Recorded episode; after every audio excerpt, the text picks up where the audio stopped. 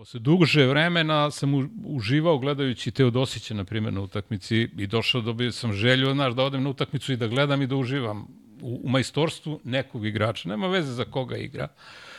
Ovaj, a, I mislim da to, to je ono što privlači ljude.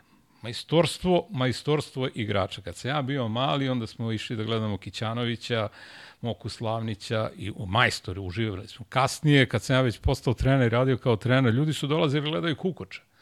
Znači, nevezano za što navijaju za, ne znam, bilo koga, oni su dolazili da gledaju Kukoč, naprijed, majstore. Samo gledaš da vidiš majstorstvo. Tako da, ovaj, to je što se tiče Zvezde. što se tiče Partizana, ima mnogo povređenih igrača i sad uvodiš, povređuju se. Ja ne znam ko nije bio povređen tamo. Drugo, ovaj, ti igrači koji dolaze iz NBA-a, treba im stvarno i vremena i da se prilagode na, na moranje, na obavezu, na preciznost. Oni su to, baš nisu navikli na takve stvari. A, ovaj, a to kod Željka, Željko je precizan trener i to kod Željka ne pije vodu. Tako da mi ga je i žao ponekad, ali šta da radi, takav mu je posao.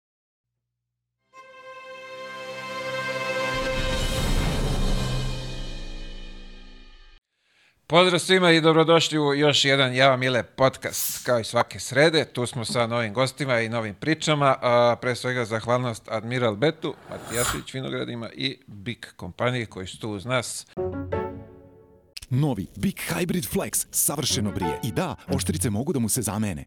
Hvala im na podršci da ovo sve ovako lepo funkcioniše. Naravno, modbica, zapratite YouTube kanal, to nam je bitno. A, budite u toku šta radimo, kako radimo.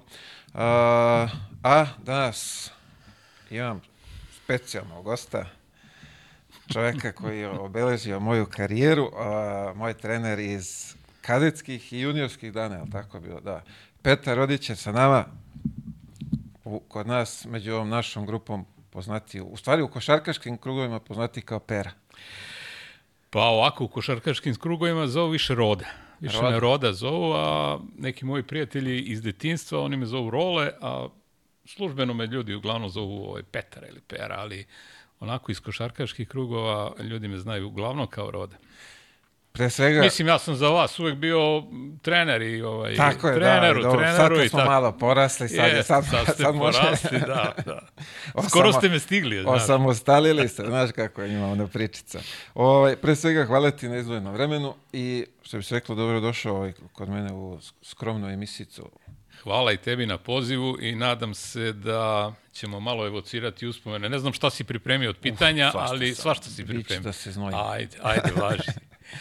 I evo ovako odmah ćemo na početku. Jesi ti mogu sad zamisliš 99. kad sam ja ovaj, došao u Vršac, to jest kad si me doveo tamo, da ćeš posle koliko, 24-5 godina ovaj, imati priliku ne, da, go, da, da, ti kažem, da iskren, Lemi, ovaj, pao si mi na pamet, sad kad sam dolazio, ovaj, je, kažem, bože, da mi je neko rekao, Mijele, da će biti, da će raditi neki posao kao što je ovaj, O, ja bih rekao, daj, nemojte me, da se šalite sa mnom, mislim, bez veze, ovaj, uz raznim, na raznim poslovima sam mogao da te zamislim, ali ovo da radiš, ovaj, što je dobro.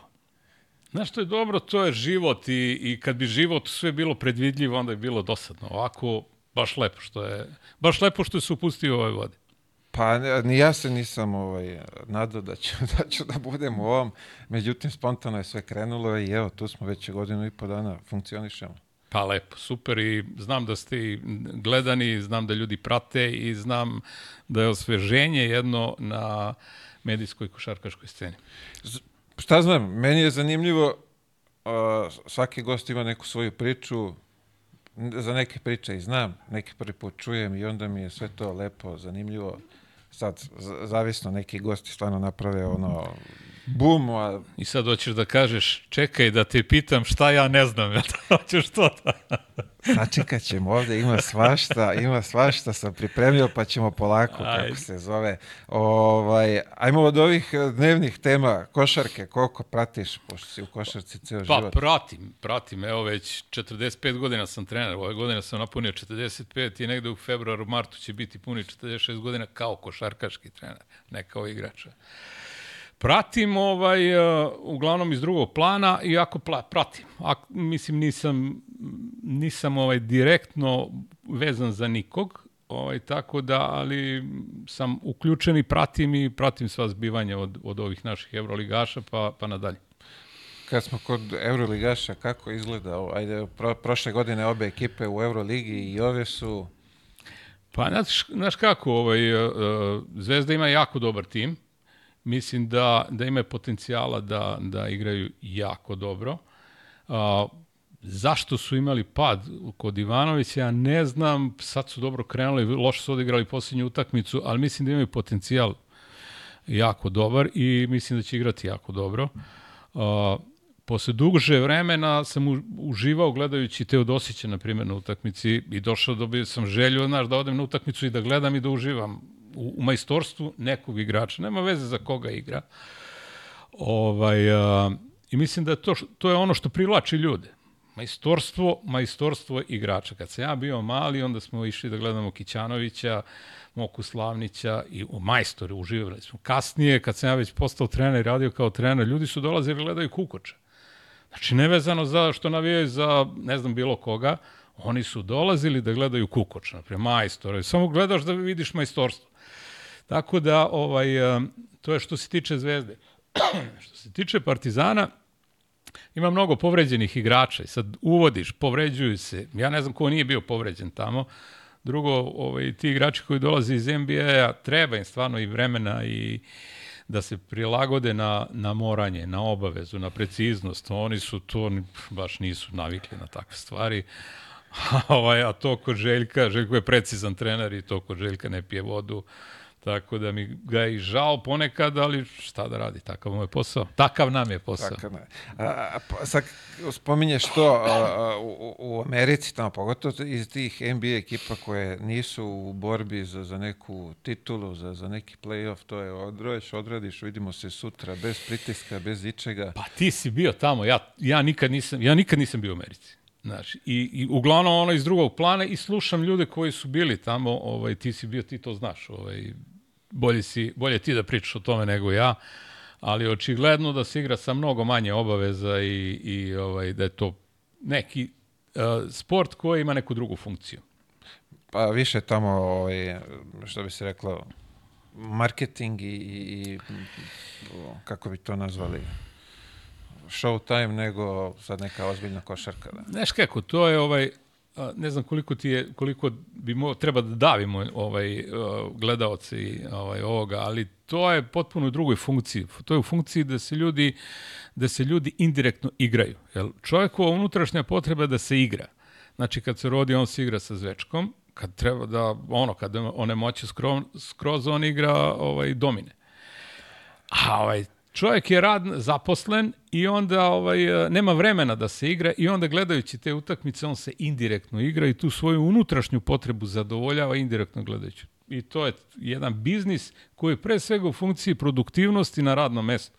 Što je dokazano negde 60. godina. Ja kad sam to pročitao i kad sam, kad sam čitao te studije, onda sam zapanjio i onda sam rekao, čekaj, šta ću ja onda ovde? Ja, ja sam ovde zato što volim i tako dalje. Eto, to je, to je neka ta, ovaj, to je neki fenomen vrhunskog sporta. Mislim da to ima funkciju u Evropi, ali sad da ne davimo ovaj sa tim. Uh, nećemo mnogo daviti. Uh, kako se zove? Ostalo da spominješ, uh, sad mi pade na pamet zapravo, 45 godina uh, u trenerskim vodama, uh, Jel ima sad ovih mlađih generacija koje pozovu za, za neke savete, nešto da... Evo, ako ćeš mi verovati, pre desetak, 15 dana su me zvali ljudi iz Niša. Ima neki mlad klub, no, klub igraju Srpsku ligu, taj treći rang, je to treći rang jeste. I zvali su me da ih malo posavetujem. Bio sam gost njihov tri dana, prvo sam se razmišljao, pa šta ću ja sad da idem, ali su svi uglavnom završili ovu školu trenersku za operativnog trenera kod mene I ovaj, bio sam tamo i, i baš sam se iznenadio da su a, klub u kome je onaj dečački entuzijazam funkcioniš. Iako su to ljudi obrazovani, profesori ovaj, iz raznih sfera, oni su ovaj, u stvari zadojeni sa košarkom i pokušavaju da organizuju da naprave neki zdravi, normalan klub. Ovaj, mogu da ih i pozdravim i da klub se zovu Ratnici. Ratnici. Ratnici, da. Da, svaka čast, želimo im puno uspeha. A, nadam se da će kroz ovo, kroz ovo budući period biti svesni u što su upustili. Mislim, Pa- lepo je sve to, ali A, pa dobro, mislim, a, Niš, Niš i ceo taj region ovaj, a, nema profilisanog seniorsku, profilisanu dobru seniorsku ekipu i šteta je da, da to nemaju. Mislim, a, to grad i cela ta regija to može da, da bez problema napravi bar KLS ovaj, ovaj, da bude solidna ovaj, ovaj, ekipa koja igra KLS.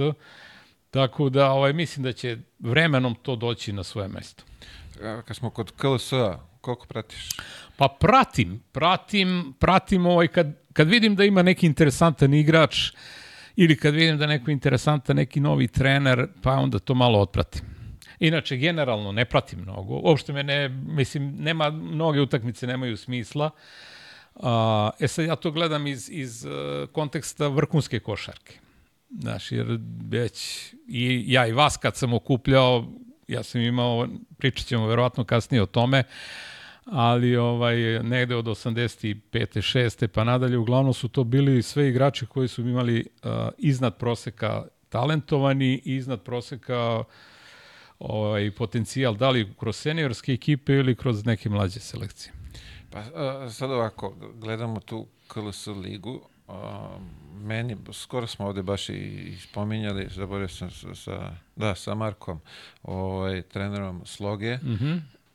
ti bukvalno sad igraš tu ligu godinama, igrač neće imati priliku da odigra protiv Partizana i Zvezde. Da. A, završiš ligu u aprilu, ti si slobodan do, do, do oktobra, totalno ne, ne, nešto što, što nije potrebno o, ovim prostorima. Da. Pa vidi ovako, uh, sistem takmičenja je krvotok košar, u, u košarkaškoj organizaciji. Znači, sistem takmičenja je veoma bitan. Kao što u, u čovječem organizmu krvotok, to je sistem takmičenja. Sistem takmičenja uh, od najmlađih selekcija, od pionirske, kadetske, juniorske do seniorskih, mora da debelo da bude organizovan i da se zna ko šta i koliko može. Znaš, nenormalno je, na primjer, u pionirskoj o, konkurenciji da je ekipa igra 80-90 utakmica. To je nenormalno. Ti imaš na koleđima ovaj, periode kad, kad se zna da ne, ne sme da se trenira ili je formalno zabavno, mora, postoji period oporavka i tako dalje. Mora da se rade još neke druge stvari osim same a, ovaj, košarke.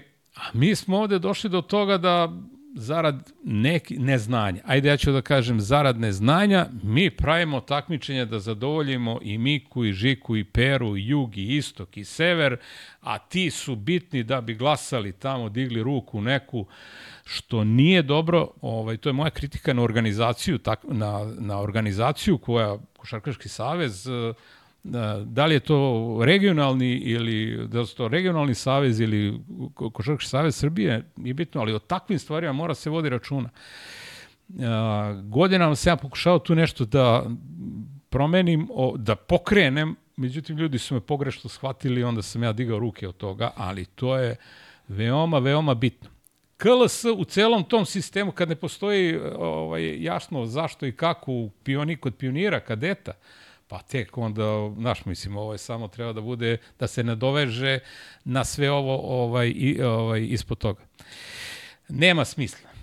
Nema smisla, naročito ako nema mladih igrača, a, ovi stranci koji igraju, ne znam koliko u KLS-u sme da igra, sme da igra stranci. Ne znam, ali ih ima. Pa ima ih, mislim, nema, Da. sm- stvarno nema smisla.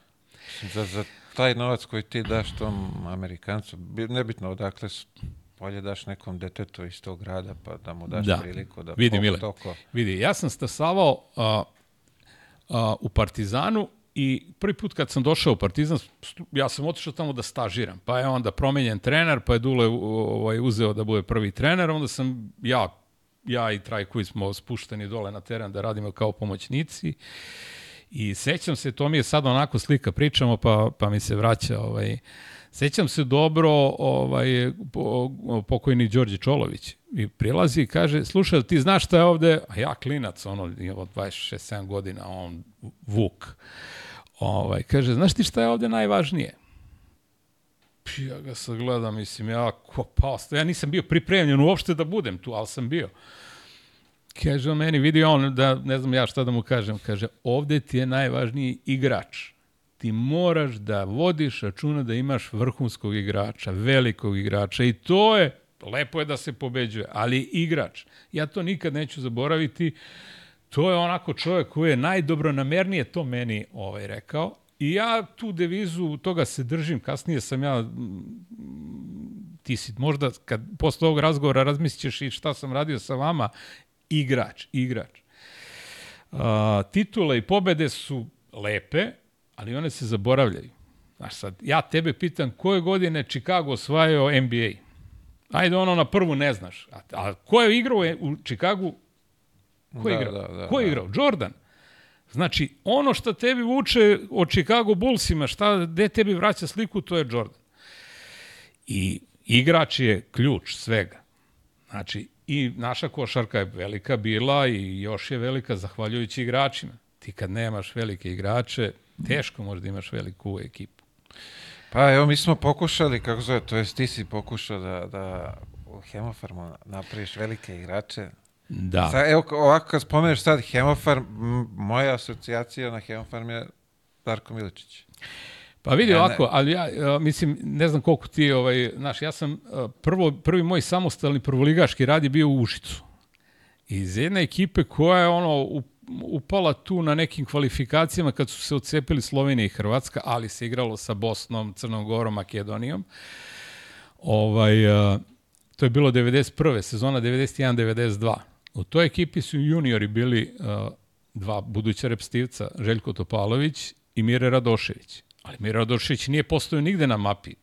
Željko je već bio malo poznat, ali posle su obojica reprezentativci. Znači, iz tog rada, posle godinu dana oni su postali ozbiljni igrači. Sa 19 godina Topalović, 18-19 godina igrao 30 minuta, ligu u kojoj su igrali Rebrača, Mileta Lisica, Dejan Tomašević je bio jako mlad igrač, ovaj, Danilović, Đorđević, razumeš, ozbiljna liga. Marko Ivanović u, MZT-u, Mili, Milićko u, u Vojvodini. Znači, pričam ti na poziciji pet, ovaj, sigurno sam mnoge zaboravio, ali ozbiljna liga. Stola Ivković u, u Spartaku, ozbiljan centar, posle otišu u Mađarsku i dan danas vedri i oblači u Mađarskoj. Znači, može se. E sad, ne možeš ti šest igrača da razigraš u jednoj sezoni. Možeš jednog. Pa ako se on zapati dobro, onda možeš negde u februaru, martu da počneš nekog drugog. I to je kraj. Ne možeš ti da praviš, ako hoćeš da praviš i rezultat i da razvijaš mladog igrača. I ni nema toliko dovoljno tih igrača koji su, ovaj, eh, koji mogu. Tako da je mene uvek to pratilo, znaš, da sam ono igrače i to, eto, nisam slučajno rekao to za Čolovića. Ja sad, b- kad spominješ Užice, meni je ostalo u, u pamćenju da si spominjao Mireta, dok smo bili klinci, Mire i Karapetrović, ali tako? Da, eto, vidiš, seti E, to je prezime koje je meni nekako, Da, ne, da. onako Pa je da. pre- prezime Da, pa, pamtljivo, pri- pa... Da, pa Kara je bio najta, najtalentovaniji igrač od njih. Znači, skočan, brz, međutim, ovaj, znaš kako, pa biti profesionalac, ti to znaš, moraš trpiš drill. Ako ne trpiš drill, ako ne trpiš obavezu, ako nisi precizan, ako nisi realan, znaš, onda moraš da, moraš da budeš takav. Ne možeš da budeš, ne možeš da ideš tu stepenicu da dođeš do reprezentativca. Znaš, realan, ja sad sam rekao tu reč, šta je realan igrač? To sam od pokojnog Stepija ovaj, naučio. Kaže, brate, daj mi, daj mi realnog nekog igrača. Ja kažem, šta ti je realan igrač, Stepi?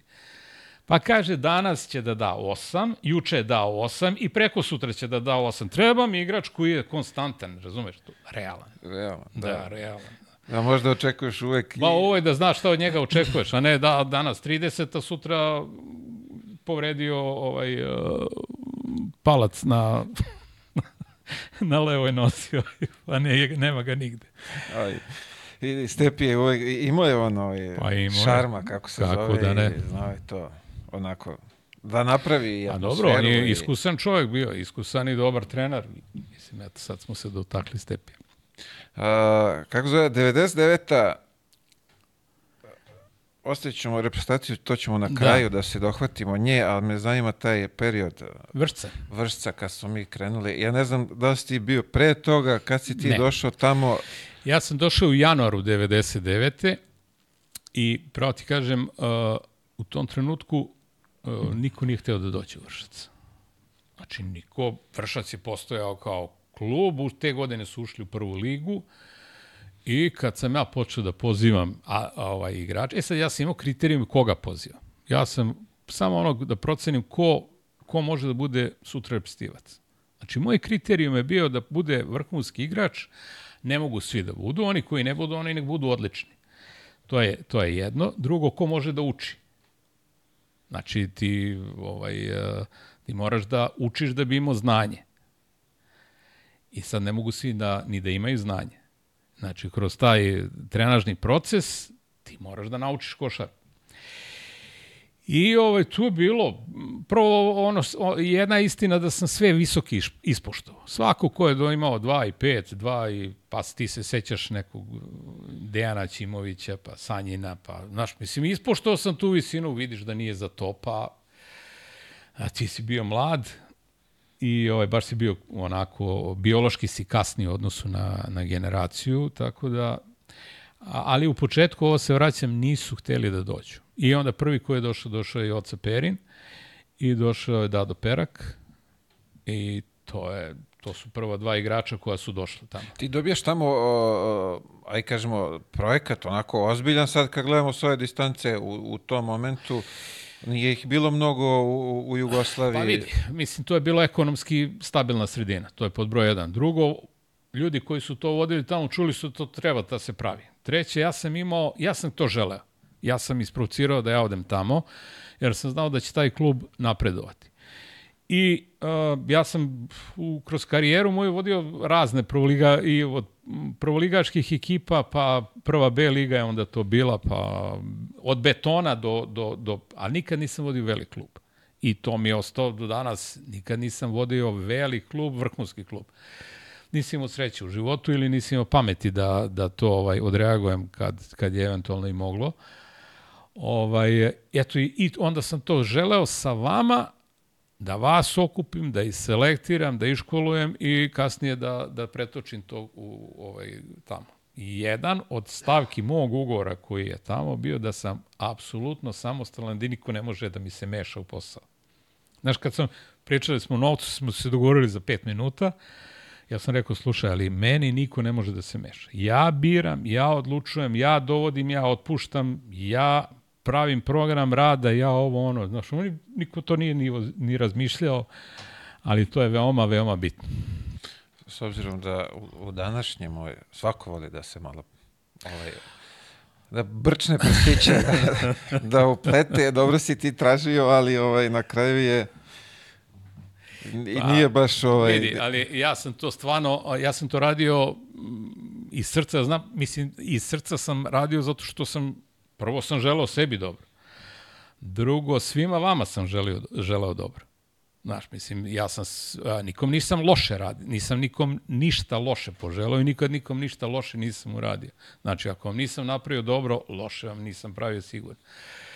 Bili ste u jednom sistemu koji ste, hvala Bogu, ovaj, uh, iskoristili i napravili ste svi lepe karijere, a, nažalost, mali broj je oblikovan do kraja. Znači, pa i ti nisi oblikovan do kraja kao igrač i tebi, i tebi je falilo a, ali eto, to je tako bilo. A, sad kad si, kako si već rekao, ovaj, da nisam bio dovoljno... Nisi oblikovan. Ne, ne, ne, pre toga si, nisam bio biološki. Tako Aha, nešto biološki zreo, da, da, da, da. Ovaj, kako se u stvari ti prevario da mene dovedeš tamo? Šta, šta te... Pa Šta te vidi, ja, mis, ja mislim da te zvao Partizan ili Zvezda da bi ti otišao u Partizan i Zvezdu. Da ti ne bi došao tamo. Pa video vidi ovako. Znači ono kad sam te ja video, prvo, prvo sam video tvoju sestru koja je košarkašica. Znači imaš neki gen, imaš iz porodice, se priča o košarci, što je veoma bitno. Drugo, tvoje poluge su bile, videlo se da ćeš porasti mnogo i, I opet, uh, sad kad sam spomenuo tvoju sestru, onda se sećam nekog našeg razgovora u onom jatu na onim trebinama, kad sam rekao, slušaj, kao, ma imaće on 2,10. Kaže, ne treba više da ima od 2,10. Rekao, slušaj, svaki santimetar preko 2,10, to mu je 100.000 više godišnje. Ovaj. Kaže ona, pa ne, maš, ma, ma, čuti, bre, neka ima 2,20, šta ima veze. Znaš. Pazi, ja sam tad, kad već, kad smo kod visine, ja sam tad došao u vršac sa 197. Tako, da. Završio osmi da, razred. da, da. Ti si došao u leto 99. Došao je Darko u leto 99. Došao je Srejović u leto 99. Došao je Robert, čini mi se, u leto 99. Tako je, pričamo o Darku Miličiću, Jest. Bogdanu Sreviću i Laslo Robertu. Raslo Robertu, da. A, mislim da je Skoko je došao sledeće godine, Pupović je došao sledeće godine, Kolarić je došao, ja mislim, te godine isto, ili, Mislim da sled, došao godinu ili sledeća, ili, se setiti, ili u da. zimu. Kolarić je malo kasnije, da. Sad sam se setio kako je Kolarić, kako sam i njega doveo. Ovaj, Ali, znaš šta je interesantno? Ovaj, uh, da ste svi vi tamo uh, došli za veoma niska obeštećenja. Naprimjer, ti si došao bez obeštećenja. Tako je, da. A, najveće obeštećenje od tih igrača koje sam ja doveo plaćeno za Darka bilo je 10.000 maraka. Znači, najveće obeštećenje. A, kasnije Mišanović kad je dolazio, ovaj, ja nisam učestvovao u tome uopšte, tako da ni ne znam kako je obeštećenje napravljeno, ali znam sve ove ostale da su svi dolazili za stipendiju od 150 maraka, mogu sam da dam i, i 500 maraka nisam hteo. Svi ste dolazili za stipendiju. Koliko je tada bilo velikih 150 A maraka? 150, sad ću ti reći, u, u, u proleće 99. godine lekar opšte prakse imao 130 ili 150 maraka. Zapamti to. Znači, nije to bilo toliko malo, ovaj, uh, bilo je to prilično. E sad, Dobro, pa, posle malo... ima, posle je to malo inflacija. palo, da, posle je Da, to malo ali palo, vidi, ali, uh, mi sa 15, klinci 15, 14, 15 godina, u tom momentu 150 maraka. I bre, pa ceo mesec smo, kod carevi smo živjeli. joj, Mile, ovaj, uh, pazi ovako, To mi moja- imamo, imamo sva tri, ob... ne, nije bio Pa doručak. bio, bio je doručak, ručak, bio do- večer, pa prvo ste bili u Jatu, pa ste Tako imali je, da, sve, tamo sme, je bilo sve, baš. Stav, da, pa ste posle prešli, ovam u internatu vam je bilo lepše. Jeste. A ja, meni bilo lakše da vas kontrolišem.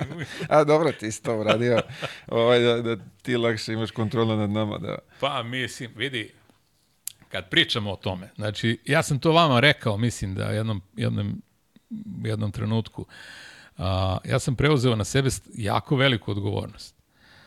A, prvo, došli su svi kao deca. Znači, Darko je došao, Darko Miličić je došao kad je završio sedmi raz do osnovne škole. Ti si ima, završio osmi, Tako. Vukašin osmi. Znači, to je bilo osmi razred, niko nije dolazio kao gimnazijalac. Jeste kasnije Micko valjda došao, ali ste došli kao deca. Vi ste deca. I moj prvi zadatak je bio da odete pravi i zdravi kući. Znači, kad odete iz mojih ruku, da ne budete lopovi, alkoholičari, narkomani, ovaj, da ne budete invalidi. Znači, moj prvi zadatak je bio kao roditelja da ja vas vratim kući zdrave i prave.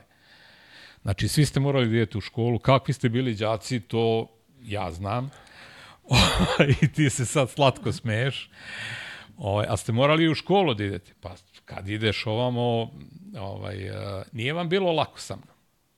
Nije I istina, nije, da. nije vam bilo lako sa mnom i meni je žao što nisam bio malo prisniji sa vama, ali sam morao da držim ovaj, tu neku distancu, možda sam nekad bio i grub, ali ovaj, hvala Bogu, niko se od vas nije povređivao, svi ste danas porodični ljudi, svi imate svoje porodice, decu, ovaj, i, i ovaj, a, i svi ste u principu imali koristi od košarke.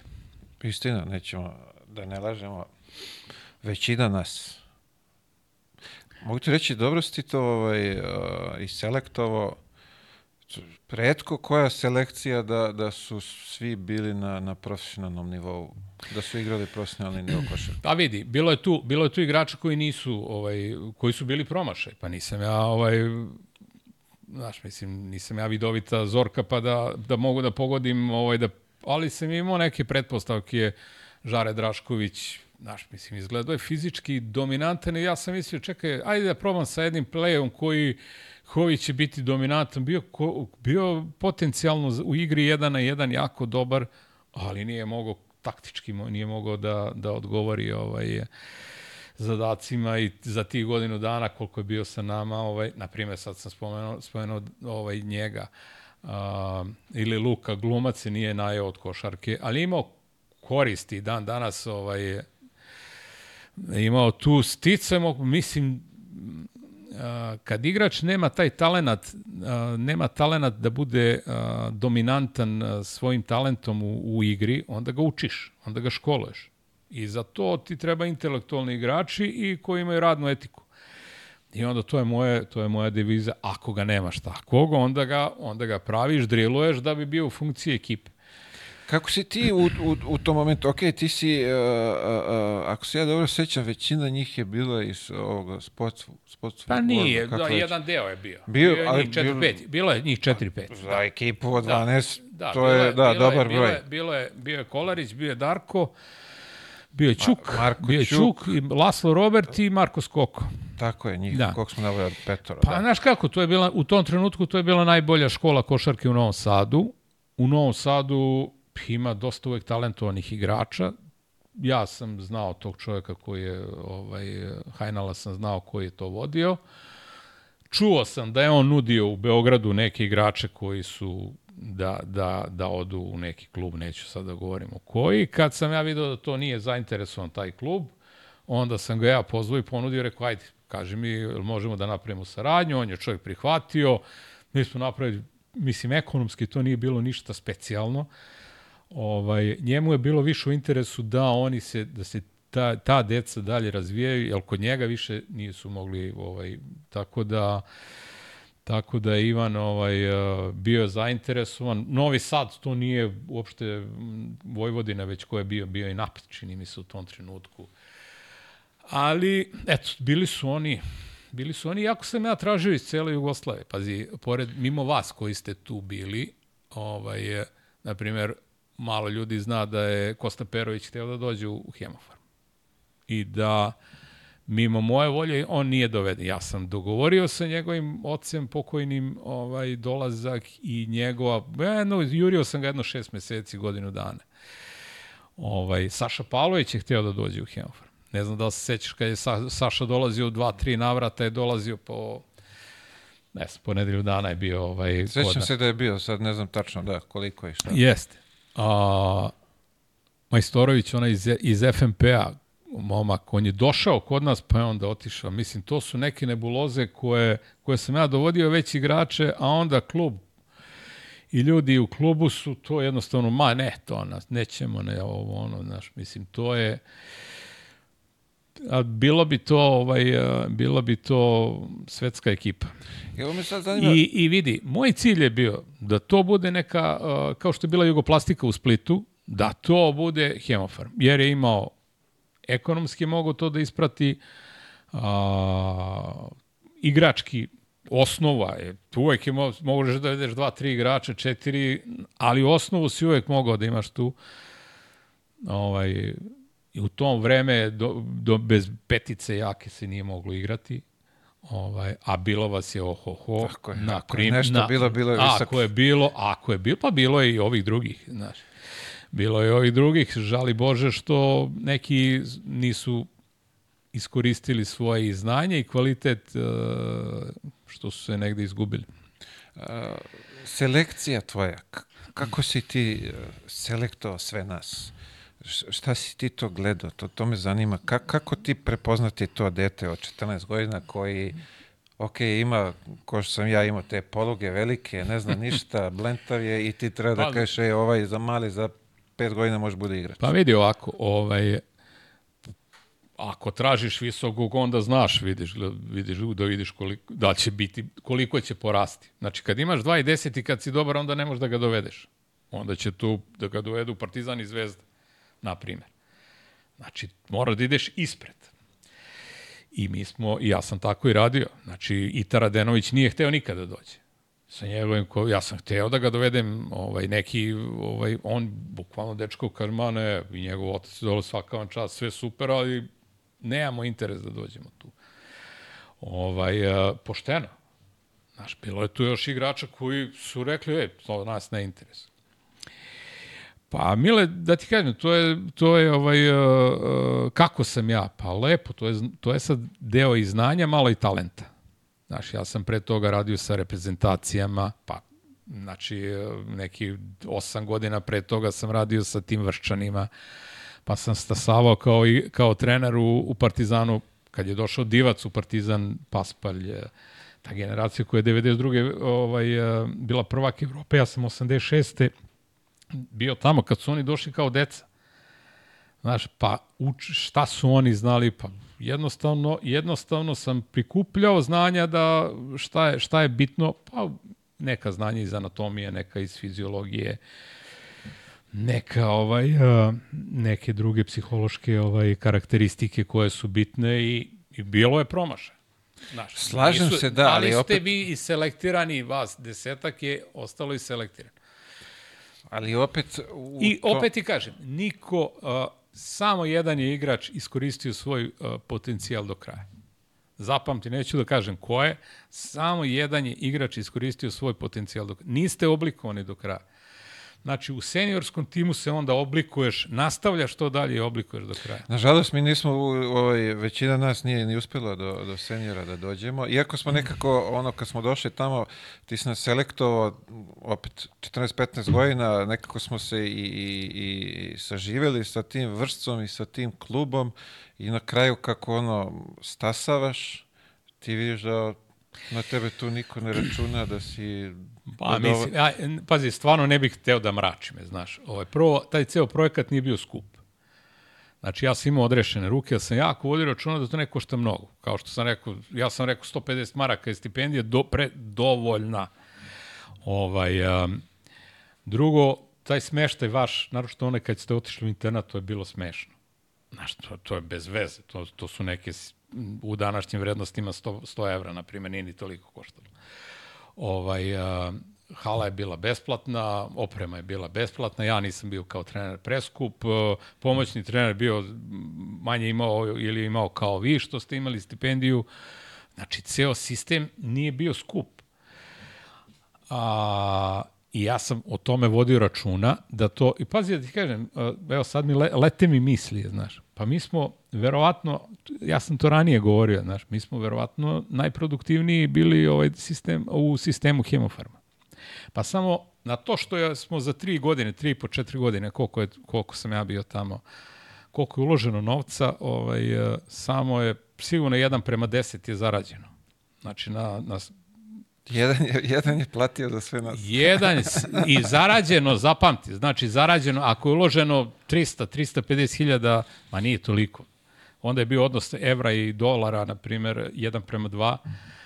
Znači, samo za Darka dobijeno 3,5 miliona, ovaj, znači, a vi za 3 godine niste koštali 300. Znači, najzelenije je bilo, ovaj, naj, najprofitabilniji deo Hemofarma je bio ta škola koju, sam, koju smo ovaj, zajedno radili.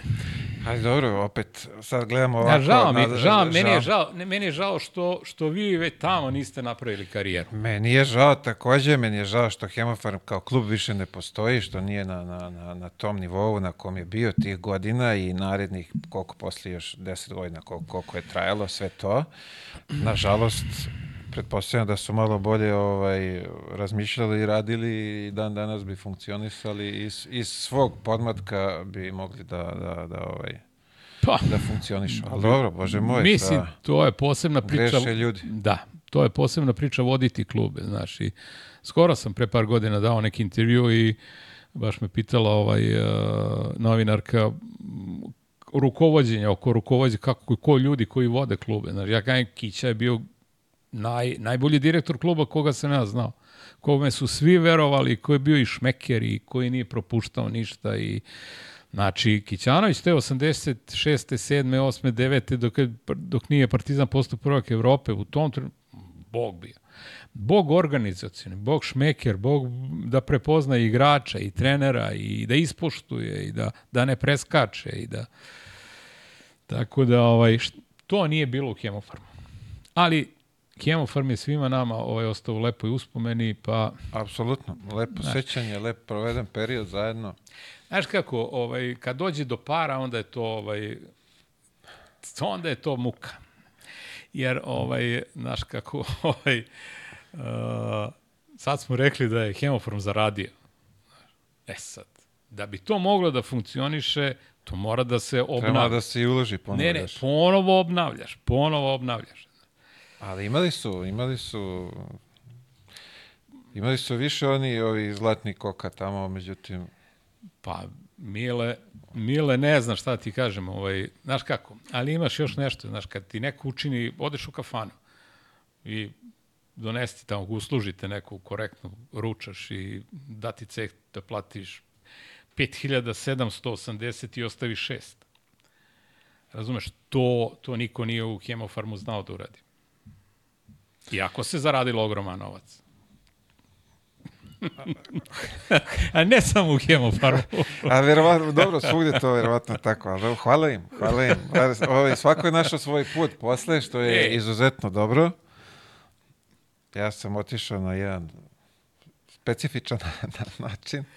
Ovaj... Ja sam znao, ja sam znao otprilike par meseci, mislim da sam ti ja to rekao, ovaj, par, par meseci pre vašeg odlaska sam ja znao da ću ja da odem i inicirao sam u klubu da vam da znaju ko puni 18 godina i tako dalje. Ali eto, žal, mislim sva sreća da ste da ste napravili da ste mogli to da unovčite i da da ono znanje i potencijal koji ste imali da da da to nije propalo do kraja. Meni je žao, na primjer, Davra Peraka koji treba da bude repstivac. Ovaj, nažalost, nažalost, sigurno i on kriv donekle, a nije imao ni sreće, a on je idealan, na primjer, uh, idealan igrač koji, je, koji trpi drill, ali nije sposoban da se sam drilluje. Znaš, kao što je neki drugi igrači ovaj, koje sam ja znao u životu koji je ono drill, ba, sam sebe drilluje, on nije taj, ali trpi drill i mogu da bude vrhunski. Divac sam sebe nije drillao. Ali je trpeo drill, tako i Davor isto. Ovaj, um, tako Kako da, sad kad spominješ... Na primjer, Skoko Marko. Skoko Marko je bio, na primjer, najtalentovaniji play. U državi, ja sam tražio to. I, i ovo sam zaboravio ti kažem kod selektiranja. I uopšte nisam vodio računa da ćemo mi da pobeđujemo.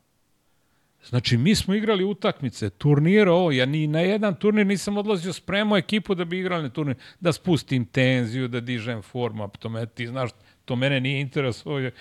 Ja kad vidim da nešto ne valja, udri, udri ovaj, da to ispravimo, nema veze što se igra. Znači, nije mi bio cilj da mi pobedimo na tom, voleo sam da pobeđujem. Ali, ovaj, ali nije prevashodni cilj bio. I sad, sad, evo ja sad se sećam, juniorsko prvenstvo bilo države, gde ste izlazno godište bilo 82. A mi smo u ekipi imali uh, nijednog igrača 82. Imali smo 83. Davora i Perina, 84 tebe, stamenog i šta ja znam, pa 85. i sad 85. naš prvi play je bio 85. i drugi play je bio 85. Igra protiv 82. Znaš ti ko je to tri godine u kadetskom ili juniorskom uzrastu? Pa to je kao ne... I mi smo onda uzimali drugo, treći, nikad nismo bili prvi, a smo bili drugi, treći, sad se već ne sjećam. Ovaj, četvrti, nije ni bitno, ali je to, znači mi smo radili da bi sutra bili ozbiljni košarkaši. To ti kao u školi. Znači, ti ne možeš, ti u školu ideš u, ideš u, krećeš u školu, pa ne radiš teoreme u, u prvom razredu osnovne škole. Prvo učiš krivu brojeve od jedan, sabiraš, oduzimaš. Tako mora, da metodika mora da postoji. I to je nešto što je deo i onog tvog pitanja kako sam. Veoma sam učio ovaj, od metodičara. Znaš, uh, metodski ovaj, uh, kako se stvara i kako se pravi. Naprimjer, tu sam jako, jako mnogo vremena proveo sa, sa ovaj, Borom Cenićem, znaš, koji je bio mm, ja pedantan uh, čovek koji, koji mene zove Pero, aj dođi do mene, ja kažem Boroš, je li hitno nešto? Nije dođi da pričamo o košarci, ja dođem kod njega i pričamo tri sata o košarci, da li, zglob, da li palac ide ovamo ili noga ili zašto položaj, te, mislim. I, ovaj, ali moraš da budeš metodičan. Ti ne možeš da vidiš sad igraš ko Lakersi, pa ne možeš da igraš kao Lakers ili da igraš kao Chicago ili da igraš kao Detroit, ne možeš. Znači, imaš put da dođeš do toga. A, a taj put je, naš je bio, ovaj, hoću kažem, bilo je raznih karaktera, tu si, ti, ti si okupio onako, ovaj, Pa jeste, sad ću da ti kažem. Pa sad ti razmisli ko, kako sam vas spajao po sobama. pa misli, uh, Niste sami. ja ti je bio sam. Ja tu Jes, bili- jeste, jeste. Ali Da, posle, prvi uj, period, da, to to. bili ste sami. kad je bilo bahato, ali, tad da, da, da, sami. da, da. Ali posle sam, kako sam vas spajao po... Evo malo razmisli kako sam vas spajao po sobama. Kakve sam karaktere ukrštao. Kakve sam, ovaj, e, na, pravio se, nikad nisam istovetne ljude stavljao u sobe. Uvek sam pravio, i uvek sam vas ukrštao da utičete jedni na drugi ovaj, malo razmisli, pa ćeš videti, nisi o tome razmišljao. Nisam o tome razmišljao, sad kad vratim ovaj, kad se vratim u to, ovaj, boga mi, ne znam da si me dobro spojio s ovim Mišanovićem. Nisi ti bio sa Mišanović, Kako sa? Lukom, sa Lukom. Da, kad je Luka otišao, onda je Pa Mišanović. do, ne, ne, ne, ali, ali ovaj, sa Lukom sam te ja stavio, posle Mišanović Tako je je, bio da. poslednje Pa godine. smo došli i onda Da. smo spavali nas dvojica. Je- Od 24 ne, ne, ne, sata mi smo spavali Lukom- 12. Ti si sa Lukom bio spojen, posle, ovaj, ali sa Lukom Moram bio se pohvalim da sam ovaj pokvario. Mišanovića sam pokvario, Miške, brate, izvini. Oprosti, javno ovako da ti se izvinim. Pa vidi, O, vidi. da on je došao kod nas kao nešto Vukovac, šta je bilo? Ne, Nije, nešto on je u matematičku gimnaziju, ja mislim da je on bio. Znači, bio je ono, vrhunski đak, pa i Luka je bio vrhu, odličan đak. I bilo je tu odlični Imao sam sreće da, da sam ovaj sa dobrim ljudima delio. Ovaj, sa dobrim učenicima Pa delio da, sam. sta, na, zamisli da A, sam te do- stavio sa a, nekim. Viš, sad kad pogledam na to, da, hvala vam što ste uticali na mene. Miške, kad već spominjamo Mišketa, Miške je došao, Nenad Mišanović je došao kod nas, naslov u novinama, kako je bio naslov u novinama? Stameni centar stiže u Vršac. I onda je ostalo, svi smo ga posle zvali Stameni, Stameni, da. tako je, i čovjek je došao sa ćebetom, ja mislim da je imalo jedno 12 kvadrata. Od, on je tad imao već 2 i, i 12. Ma ne, ja Da, sam bio- kosti i koža, došao čovjek koža. sa ćebetom od 12 kvadrata i umotao se ko mumija u njega i tako je spavao. Znači, Ne ono da zapitaš da li je živ. Tako da mi je to ostalo u sećanju ovaj, i spavali smo lepo, iskreno. Ja znam samo da je pojeo konjetine ovaj, na sto... ne zna se koliko je konja. Konjetine pojeo ovaj. Platio je to Darko. Sve, Da. sve je to Darko platio za nas. Hvala mu. Tako da, ovaj, uh, ma, bilo, je, bilo je lepo, bilo je lepo i lepo je, lepo je danas iz, ovo, iz ove perspektive setiti se Tako svega je, toga. naravno. Čudno je da takvih nekih projekata nema. Čudno je da nema takvih projekata, znaš, mislim ono, ej, imaš, imaš trenera ko, u koga veruješ, evo, daš mu odrešene ruke i, i ajde. Ajde, vidimo šta će da ispadne. To je, to je toliko To je malo. ono malo pre što smo se dotakli. Uh, hoće neko i da da pare, ali hoće malo i da se pita. E, sad, Tu je sad E, problem. vidi, vidi, ja sam imao neke pozive slične. Da, slične pozive da preuzmem nešto, znaš, i ja kažem, koliko para? Pa, znaš, to sad ne možemo. Ja kažem, čekaj, bre, nemoj, nemojte tako. Pa ne mogu ja budem manje plaćen. Ja, pa da, ali ti ćeš sve, pa ti proizvodiš, ti si glavni u klubu, a manje si plaćen od pomoćnog trenera, e, onda ne može to. To me podsjeća na ono, kako zove, čkalje kad pravi struju. E, od prilike, E, od i kad tamo ovde pe- pecnete tvoja struja i da, nastaviš da, dalje. da, da, da, da. 24 sata. Uh, Jugoplastika, ta tvoja zamisao, to je ono kad smo se okupili, ovaj, e može, uh, Lado, da nam ubaciš sliku samo ljudi da vide ovaj, ekipu posle 20 godina, okupili smo se letos. Uh, evo ovako ćemo, krenemo sa, ćeš ti Pero da kreneš od Pa ajde, tebe, Borisov, pa da, da Borisov, Borisov, da, Boris, Borisov, Daj nam njega, puno ime i prezime, samo da a, ljudi znaju Miloš. Borisov, da, on je došao iz Bijelog polja i On je napravio lepu karijeru, on je igrao u hemoformu, u stvari on je najviše igrao u hemoformu od svih vas. Ovaj, on je tamo 4-5 godina igrao, ja mislim. Posle je otišao u, u inostranstvu. Znam da je završio u Mađarskoj. On je napravio korektnu karijeru. Mislim da je ovaj, mislim da, mislim, on je jedan od tih koji nije oblikovan do kraja. Ovaj Miki Manojlović je broj 12, on je vrščanin koji je ono bio tu zato što je bio dobar, imao kvalitet, mogao je da vas prati, ali nije bio deo projekta profesionalnog, ali jedan odličan momak i a, baš sam se obradovao kad sam čuo da je završio je pravni fakultet, da ima četvoro dece, da je ozbiljan čovek ovako danas. A, Kolarić, Marko ne, Kolarić. Marko Kolarić, jeste. On je zajedno iz te godine, kad je na- napunio 18 godina, otišao na, u, na Havaje, na koleđ, završio tamo koleđ, posle se vratio u Evropu, igrao je po Evropi interesantno, uglavnom druge lige.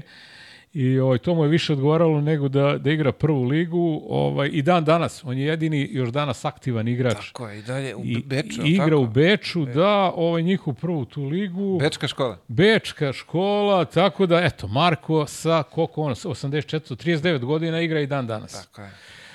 Mile, ovo si ti, tako? Ovaj sam ja, ovaj da. si ti, da, o da tebi, o preskoči. tebi ne znam šta bi mogli ružno da kažemo, a i lepo, a ne znam ni lepo šta bi. Onda Mišanović je Nenad, a, pa mi ste, Miški je napravio lepu karijeru, bio, dalje bio kapiten Zvezdi, igrao je u Zvezdi dosta dugo, igrao je u inostranstvu, znam da je bio u Moskvi, je li Bio je tako? zahvatio Pešića ovaj, u Da, Moskvi. čak i bio je repstacije jedne godine, je li tako? Jeste bili zajedno u Bili smo repstaciji? zajedno, da, Da. smo otpali ovaj... Mislim da to sa, sa, sa Mokom da smo Je li otpali. tako? Da. Ovaj, tako da, eto i on je mogao znatno bolju karijeru. Nažalost, a, nažalost, nije bio, treba je malo više da reskira u životu. Znači, uvek je on to, pa kako ću, pa ovo, pa ono. Malo je trebao da bude, ajmo jednu kritiku sad ovako, odličan momak, pametan, inteligentan i sigurno je neuporedivo bolju karijeru mogu da napravi. A, Šurda Darko Miličić, Šurda. E, Tako njega je, sam prozvao Šurda, Šurda, nije mogu se tako. probudi, dođe na trening i još u jatu ovaj, i ovaj Šurdilović, e, pa ništa, šta da kažemo njegu, to je najtalentovaniji, a, treba da bude, po meni, najtalentovaniji beli centar u istoriji košarke. Bela petica. Neverovatno koliko je talentovan. Znači, to je, to je neverovatno i on je odslikao, odslikao celu vašu tu generaciju.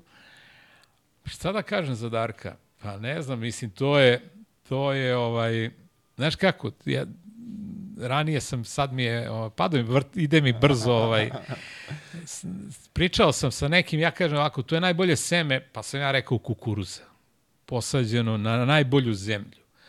Znači, to seme je trebalo da pet klipova od po pola metra. I, i na, nažalost nije to došlo do kraja, nije sazralo, nije zašto. A, i bela, imaju idealnu količinu vlage, sunca, idealno seme. Zašto? Zato što je u toj zemlji bilo korova. Dok sam ja ga vodio, ja sam čupao taj korov, a posle su, čak nisu ni prskali, nego su zalivali korov oko njega i na moju, eto, moju veliku žalost, ovaj, a, nije to, iz, nije napravio, nije iskoristio potencijal koji je imao.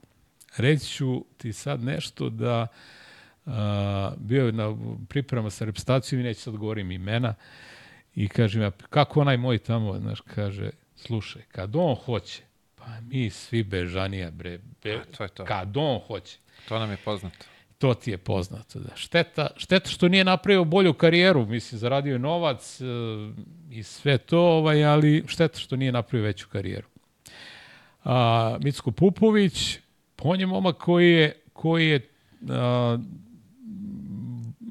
neverovatno dobre motoričke sposobnosti imao.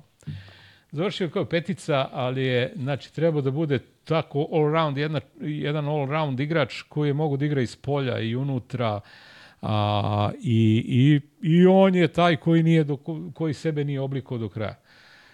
Um, ko je ovo sad dalje? Tu, tutuš? Tutuš. Da.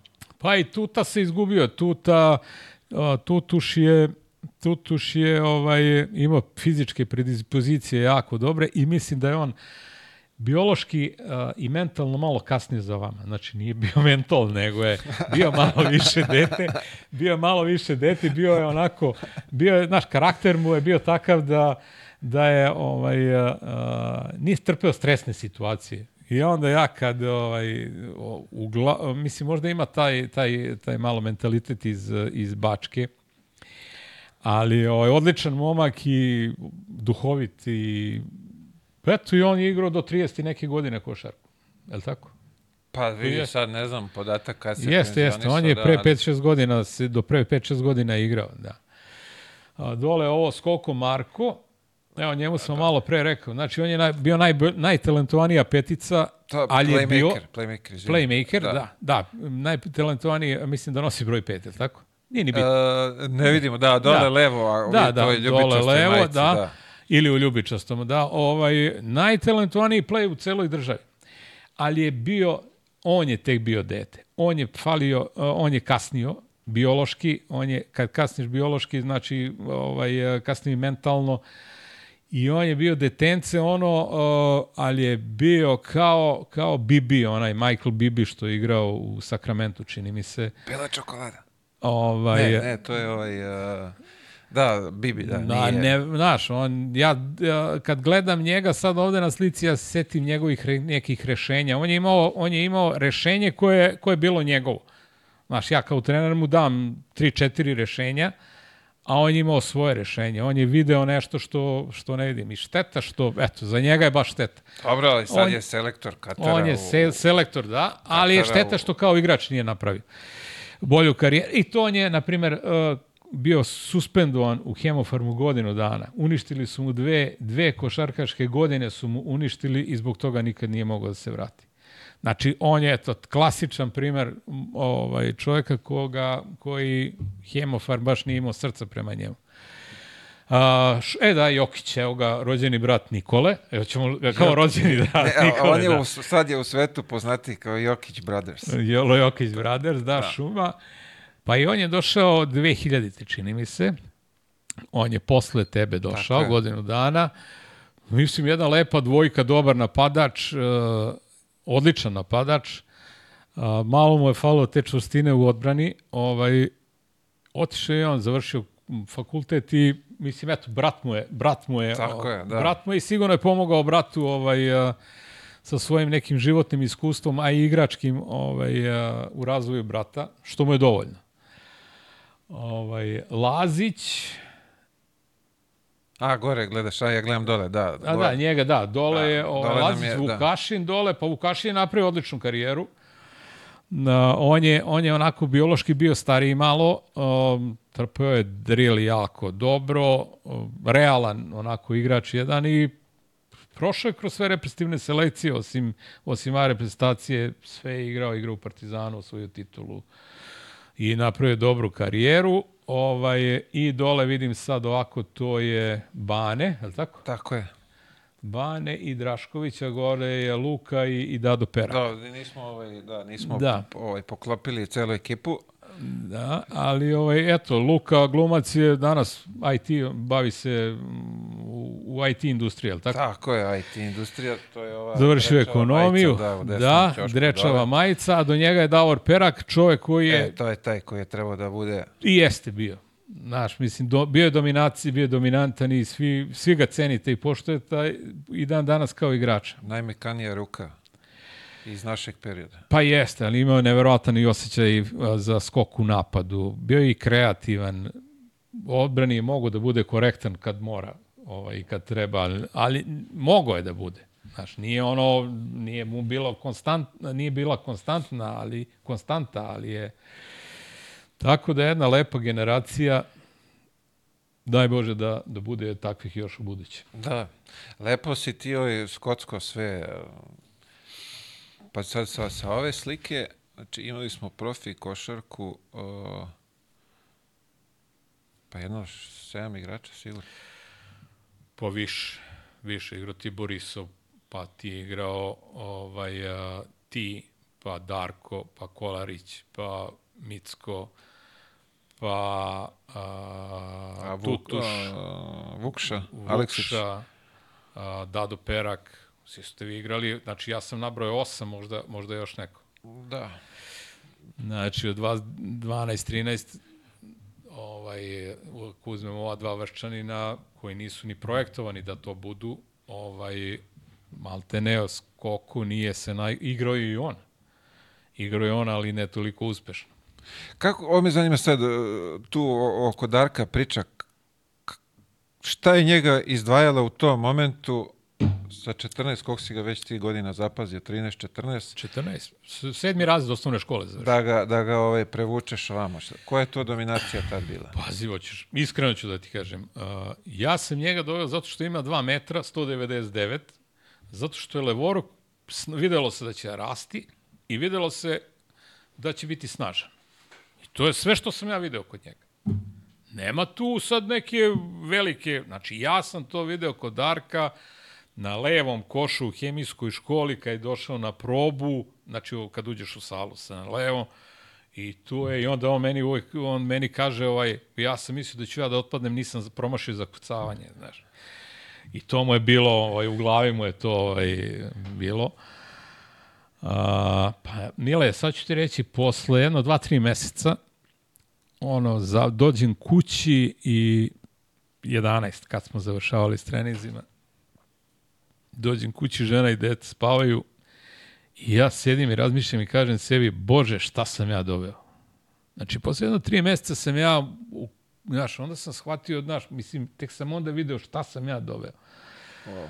Ozbiljno ti kažem. E, onda sam, ovaj, onda sam post, počeo nje, prvo njega da razvijam, pošto si ti rastao, nisi bio u funkciji uopšte, znaš, ti si če, na čekanju bio. Pa mislim da sam ti ja to jednom i rekao, da, da prvo je on školovan, pa si ti malo drugčije školovan, zato što ti stameni ste malo drugačije školovani na toj poziciji pet.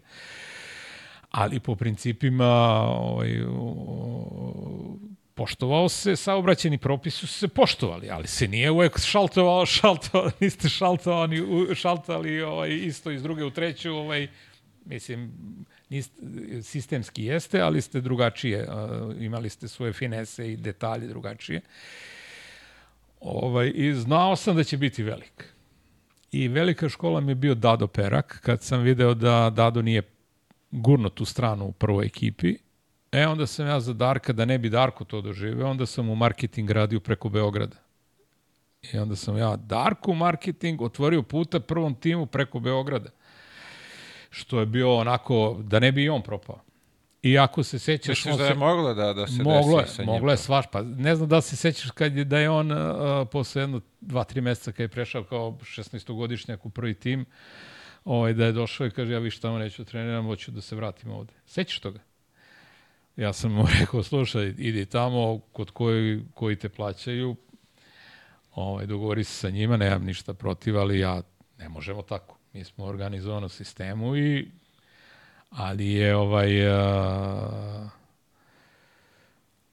mo, mislim, ne, nije mogao da propadne potpuno, ovaj, ali eto i Sad kad, kad pogledamo ovako, on, je, on prelazi to sa 16 gore, stvarno. Ono, mi- on je sa mi 16 smo- godina igrao prvu ligu, bivše Jugoslavije, prvu ligu bivše Jugoslavije, ovaj ozbiljnu ligu koja je bila u odnosu na ovo danas, znaš, mislim za Da, dve da, da, za dve da. klase, tri klase Pri tome, šta je se tad igralo? Igralo se neko evropsko takmičenje. Pa Nije, kup Koraća možda je bio, a? Ne, da, ne mogu setiti Da. u, u, u Kup Radivoj ka- Koraća. kako se zvalo da, to, da. Da, da. Ali o- ovo sve što me zanima, on ide sa 16 tamo. Mi svi srećni zbog njega, naš drugar otišao u prvu ekipu, znaš, pa onda i- ideš Da. još gledaš, da, Da, znaš, kad da. će dobiti šansu. I, i, i hoću kažem, posle toga, ja mislim da se kod njega rađa to neka buntovnost, odbojnost prema svemu. Nije on bio takav ovamo sa nama. Nije baš Pa, bio dobro, on toliko bio- buntovan. Ej, Mile, ovaj, je se sećaš turnira nekog u Novom Beču i nešto smo igrali? Kad sam ga izbacio sa turnira. Sećaš toga? Ne, Ne. se.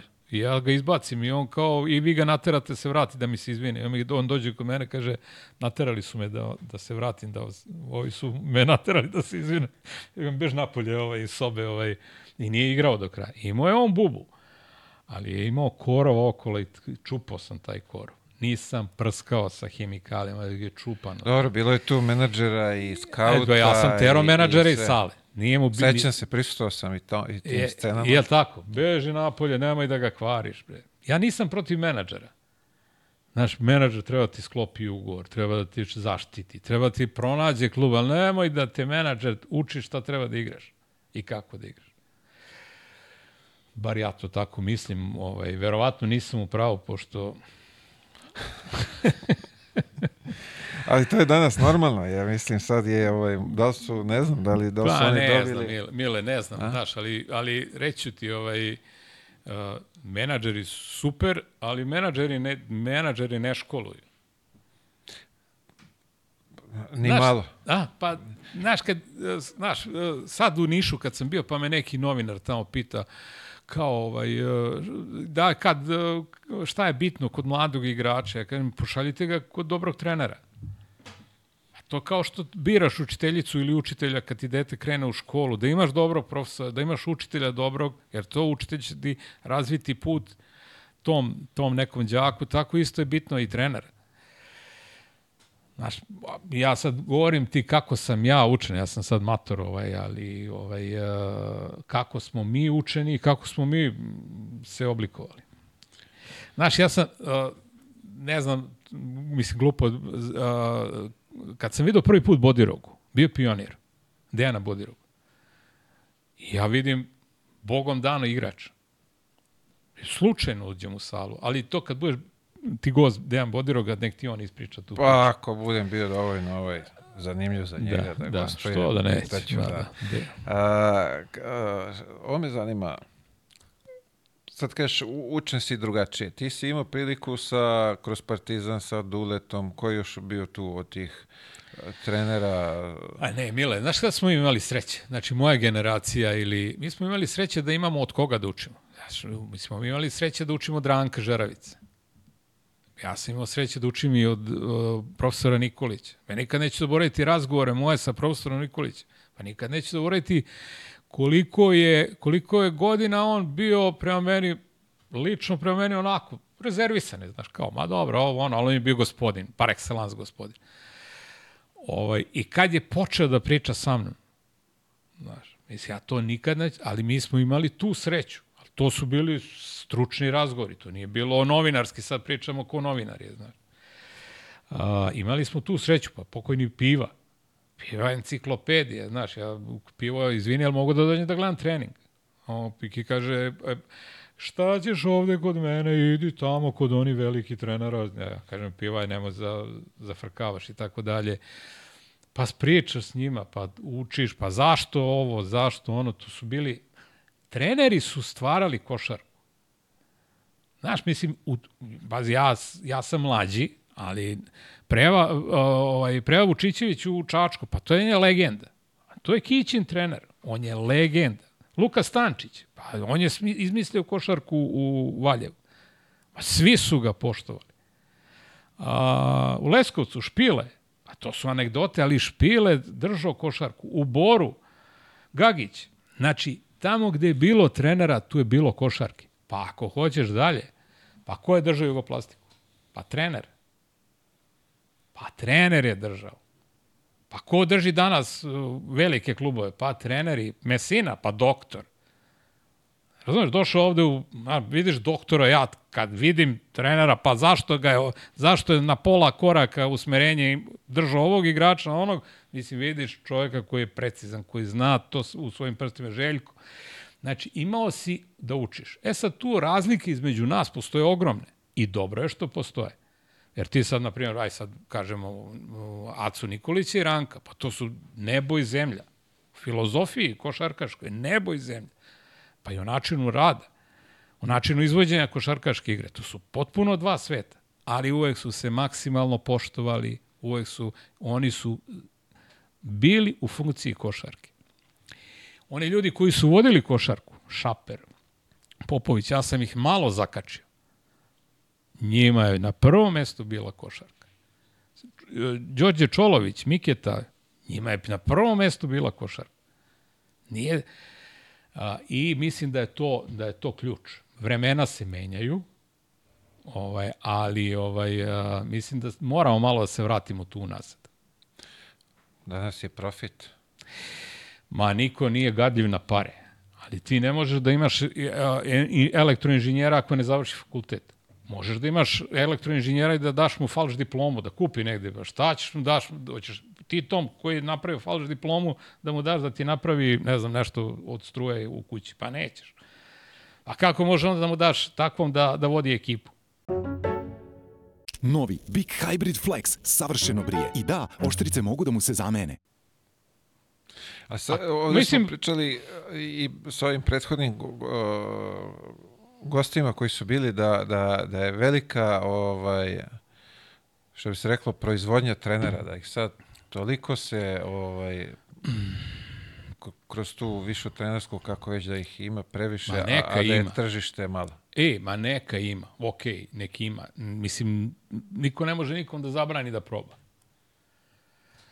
Znaš, ali je sad pitanje, uh, uh, pitanje, ja sam sad malo pre rekao, od koga smo mi učili? Ja neću da kažem da sad ima loših trenera, znaš, verovatno sad, ali nis, mislim da nema takvih veličina. Znaš, je Laca Nikolić je trener svih trenera u, u, u Evropi. On je, on je vodilja svih trenera u Evropi. Uh, ne znam ko sad selektira. Znaš, a, neko ime, na primjer, ja ću ti reći Bane Račić, si čuo nekad za njega? Iskreno ne. Ne. To ti je bio čovjek alfa i omega jugoslovenske košarke. Čovjek koji je u, kroz savez, ko nije prošao kroz njegove ruke, taj nije mogo da bude ni vrhunski trener, ni vrhunski igrač.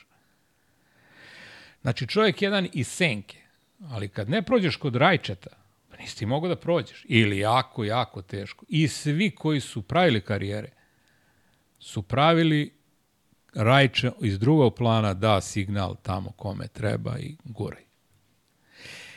A, kasnije je to Bora radio, Bora Cenić.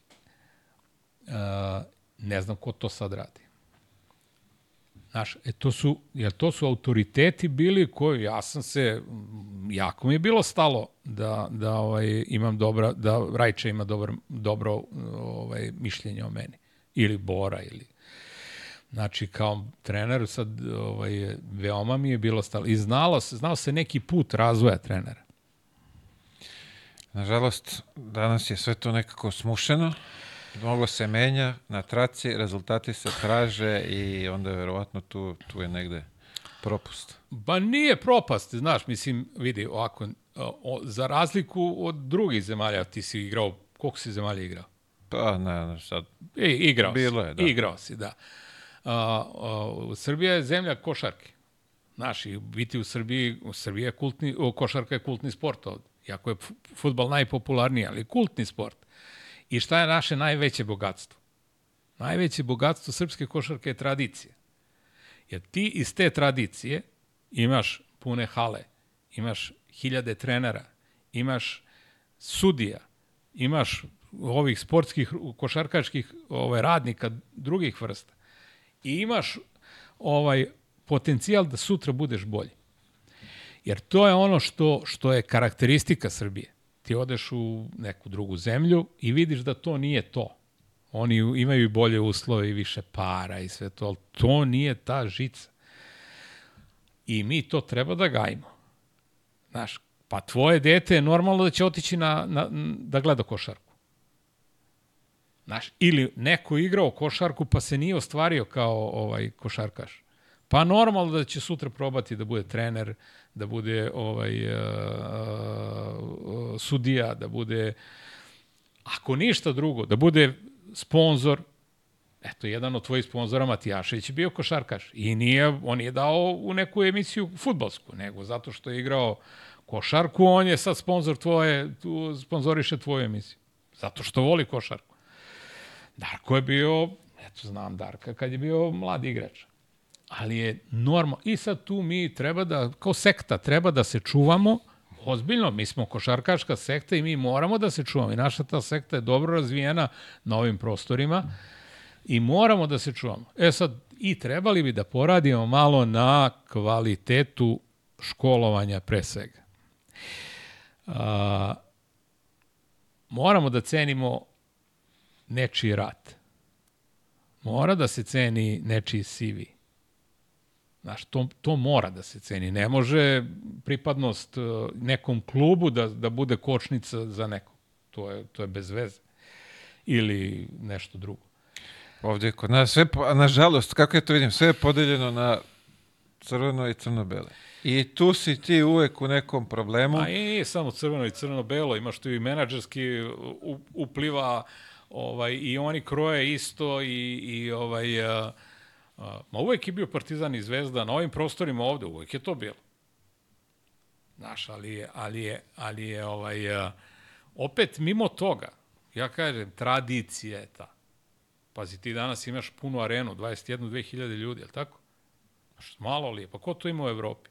Ali to je, to je Srbija imala, to je Beograd je imao i sad ću ti ja reći 80 i 7. 8. 88. na primjer. Utakmica sa Paukom, grčkim ovim Soluna. 7000 i nešto karata je prodato za, u, u, u, za utakmicu u hali sportova. Znaš ti šta je 7000 i ne, slagaću te 200-300 karata je prodato za halu sporta. Znaš kako ta izgleda hali sporta stane 7000 ljudi, a bilo je još 1000 onako puštenih ovaj, na A, a propusnicu. mogle da primi... A mogla je da prima tri hiljade. Pa, znaš, to je bre, e, to je ono što nema na drugim prostorima. To je sve super, gle, a, ok, pune hale, evo sad je nenormalni budžet, imaju jedni i drugi. Ali, kad pogledamo 92. mi nemamo, niko nije trofej osvojio u evropskoj košarci. Kad pričamo o, o klubskoj košarci. Pa nisam razmišljao o tome, znaš. Ja, mene više interesuje ovo igrači. Znači, mene, ja znam da je iz sa ovih prostora da su odavde odlazili veliki igrači i gotovi igrači. I da su odavde otkupljivani igrači, otkupljivani su im ugovor za milion i preko miliona. Mi to danas nemamo. I to je ključni problem. Što mi ovde ne iškolujemo tog igrača. Da li to više ne može kao što je nekad bilo, verovatno, ali mora da se pronađe. Mi ne možemo da dozvolimo da, da nam a, oblikuje neko drugi igrač. Pa šta je danas? Danas je, ode kaže, ej, odlazi u Mađarsku da, u neke kampove, u neke škole, akademije, deca talentovana. Ja kažem, da li je, ljudi, da li je moguće? Da li je moguće? Odlazi u Mađarsku, zato što je tamo ima dobre uslove, ovo, ono, damo neku kintu, Evropska unija i šta, mislim, da li je moguće? A mi smo, to je, samo smo mi krivi za to. O, to moramo da vratimo. Kako vratiti to? Ne znam, ne znam, ima pametnijih od mene, ali to mora da se, mislim, mogo bi da kažem ja kako da se vrati, ali, ali neću da ulazim u to. To moramo da vratimo. Znaš, mislim, da bi, za ovaj posao da bi radio, moraš da imaš entuzijazma. Ne možeš samo da gledaš. Pa meni je uvek, u, u životu mi je bilo prvo košarka. Što je možda i greška. Nikad mi nije bilo na prvom mestu pare da uzmem. A nisam gadljiv na pare. Ali nikad nisam pare uzeo pre nego, pre, pre nego što sam gledao košarku. Znaš, mislim, slažem se da treba iskoristiti svaki trenutak, ali rekao sam i ranije, ljo, ja sam eto starog to kovat. Moraš da ti bude to na, na prvom mestu.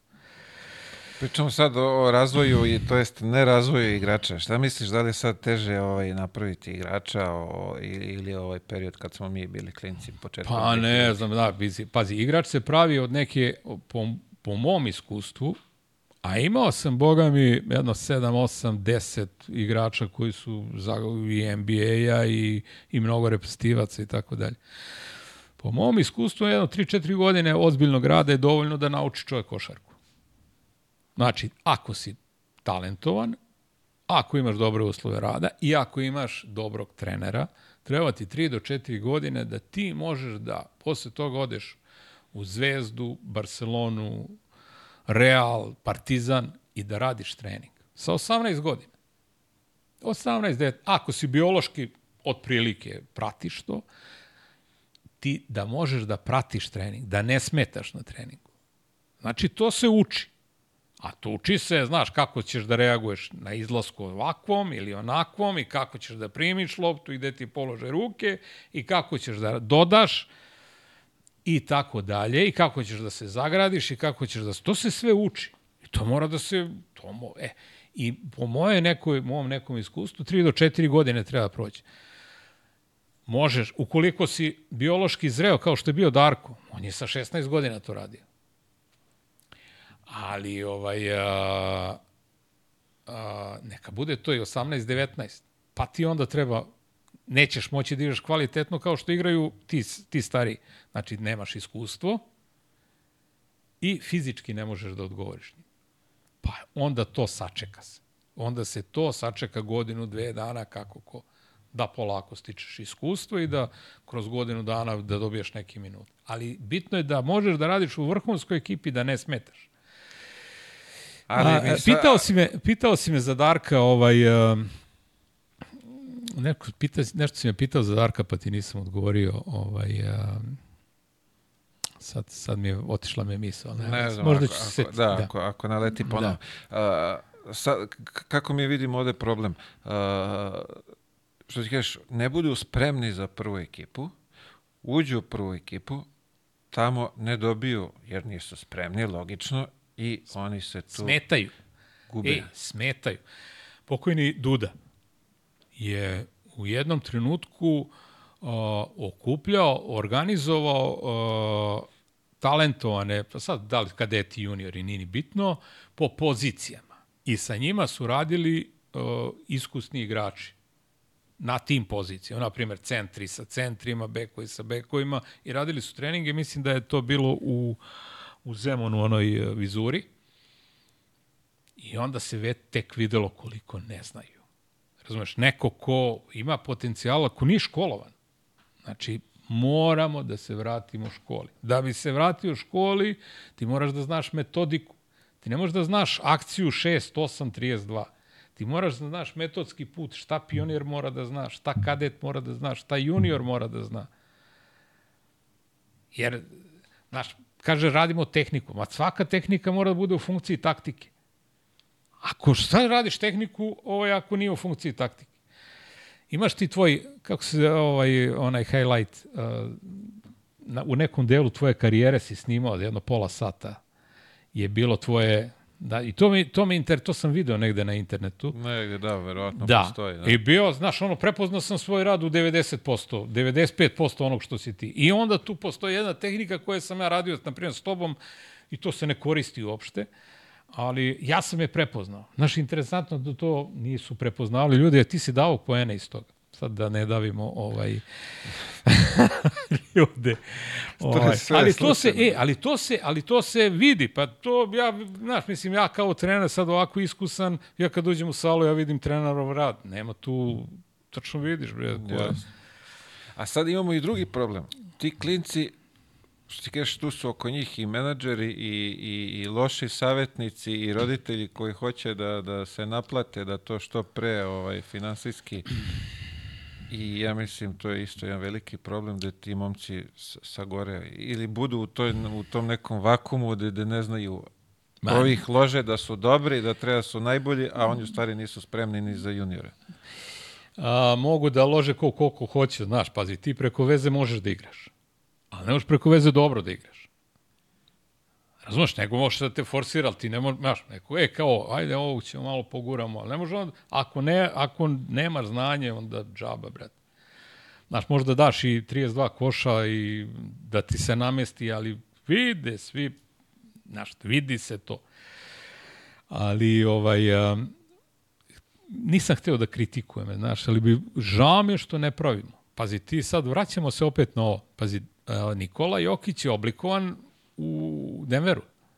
On je otišao kao potencijal, on je otišao na najmanji ugovor tamo, ali tako? Pretpostavljam. Pa da, da on je odobio onih milion, zagarantovanih milion. Razumeš, pa se on tamo izborio i on se tamo obliko do kraja. I on je imao sjajnog trenera ovde, Dejana, koji je sjajni čovjek i tako dalje. Ali oni su ga isfiniširali do kraja. Ti imaš uh, Pokuševskog. Pa ja sam, zvao me njegov agent da radim sa njim. Jedno leto sam radio sa njim. Momak koji je ono, znaš, mislim, kao kukuč, gibak, elastičan, brz, željan. I oni su njega, oni igru u Olimpijaku, su, oni su ga pokupili da ga oni oblikuju do kraja. Pa šta rade sad sa Jovićem? Isto to. Znači, pazi, ali mi smo odavde to slali. Mislim da je to neophodno. Mislim da je to neophodno. Kompliment je, na primjer, uh, Partizanu što je, što je Madar pobegao. Jer on je postao igrač u Partizanu. Kompliment, kompliment tom sistemu koji, iz koga je on, sticajem okolnosti, ovo, ono, nije ni bitno, ali on je došao kao neki talentovan momak i otišao je u velik klub uh, ovaj, za veće pare i tako da sad ja ne ulazim u to, ali kompliment je uh, što je izašao iz, iz Partizana. A neki tako ne, ne, ne vide. Ne, ne, ne. Ja ne govorim o, o tome, znaš, dalje ljudski, dalje pošteno ili, znaš, mislim, ali je kompliment za rad. Ja sad pričam, e, sad, Jasno, znaš, da, da, Pazi, ono, ja sam spominjao, malo pre sam spominjao Jordana. Chicago, je tako? I sad šta ti kažeš? Jordan, Chicago i šta ide iza toga? U kom smislu? North Carolina. Pa ide Aha, njegov aha, koleđ. odakle krenuo, da. Ma ide njegov koleđ i tebe prati da si iz škole hemofarma. I tebe u tvojoj, tamo u tvom CV-u košta, piše da si ovaj, ovaj, i hemofarm, hemofarm, hemofarm. Slika. Ili si aset igrača koji je izašlo iz Partizana, na primjer. Ba, ba, ba, pa to. je. I to mora se ceni i poštuje. Slažem se, ali kažem opet, rezultati i financije sad bukvalno ne dozvoljavaju ni Zvezdi, ni Partizanu, ne znam kome, da, na, da, da, da mogu da istrpe to igrača četiri godine, koliko god da bi ga napravili da, da bi izašao odavde. Pa dobro, ne moraju Zvezda i Partizan. Ajde, ajde, znaš, mogu jednog. Ja sam rekao, jednog godišnje mogu. Jednog, pa onda možda još jednog. Ono, kako se od, razvija taj igrač, ne možeš ti do... Ali jednog može, igraš dve, dva takmičenja, možeš uvek. Ovaj, možeš jednog, eventualno dvoje. Pa mislim da to je u principu i rade oni. Ali šta ostali? Gde su ostali? Zašto bi neka ekipa imala, potrošila za takmičenje u KLS-u da bude prva? Koje nema smisla nikakvog. Nikakvog. Nikakvog. Pa Ej, skoro pa nema nikakvog. komentarisali. Ajde, ajde majstore da napravimo ovaj ekipu pa da zarađujemo pare. Hajde da napravimo to što smo u vršcu i zaradimo 1 prema 10, to što smo sad pričali. A mo, nije nemoguće. Ali moraš da obezbediš uslove, ne smeš da lažeš. Pitao si me za Darka zašto je posle, posle ovaj, uh, odlaska od, iz naše, iz te mladog tima, zašto je posle toga imao problem, je li tako? Kako si me pitao? Ovaj, pa za- A, da, kako sam formulisao? Bunt, šta sam već Pa rekao, ima da. bunta, imao je, Da. da. da. Ja, Mislim, odboj neki prema... da, ja mislim onog trenutka kad su ga počeli da ga vuku levo, desno, da mu pričaju priče, da, da je os, kad je osetio da ga neko laže, da je on to, ja imam, imam i njegov profil ličnosti. I ja, Darka, to sam mu ja rekao, ovaj, ja njega razumem i njegov u suštini, on je mnogo bolji momak nego što ljudi ovaj, Tako je. Mislim, koga bolje poznaje, zna da ono što, i kako te se i gluposti, predstavljao e, i te, gluposti koje pravi prema, i prema vama i prema drugima, znaš, to je neki njegov, da ne pričam sad o njemu kad on nije tu. Da je tu sad ovako prepu, preko puta mene, ja bih možda i rekao. Ali u kafani, ne, ne, ne, ne, u kafani, ne, ne za ja. Sešćemo ovaj drugi put, dogovorili smo se okupljanje, pa ćemo, pa ćemo da vidimo ka, kako će Jasno. to ovaj, da izgleda. Uh, tvoja trenerska karijera, bio si u Partizanu, pored Duleta, što kažeš, ovaj, slučajno su te spustili na teren. Kako je to izgledalo u, u tom momentu? Ti, ako se ne varam, iz Dunava, je li tako? A vidi, ja sam, znači ono, da ti ispričam malo moju karijeru. Ajde, pa mislim, to je i hoću A ja da- Sam, ja sam jedan od osnivača Du- Dunava.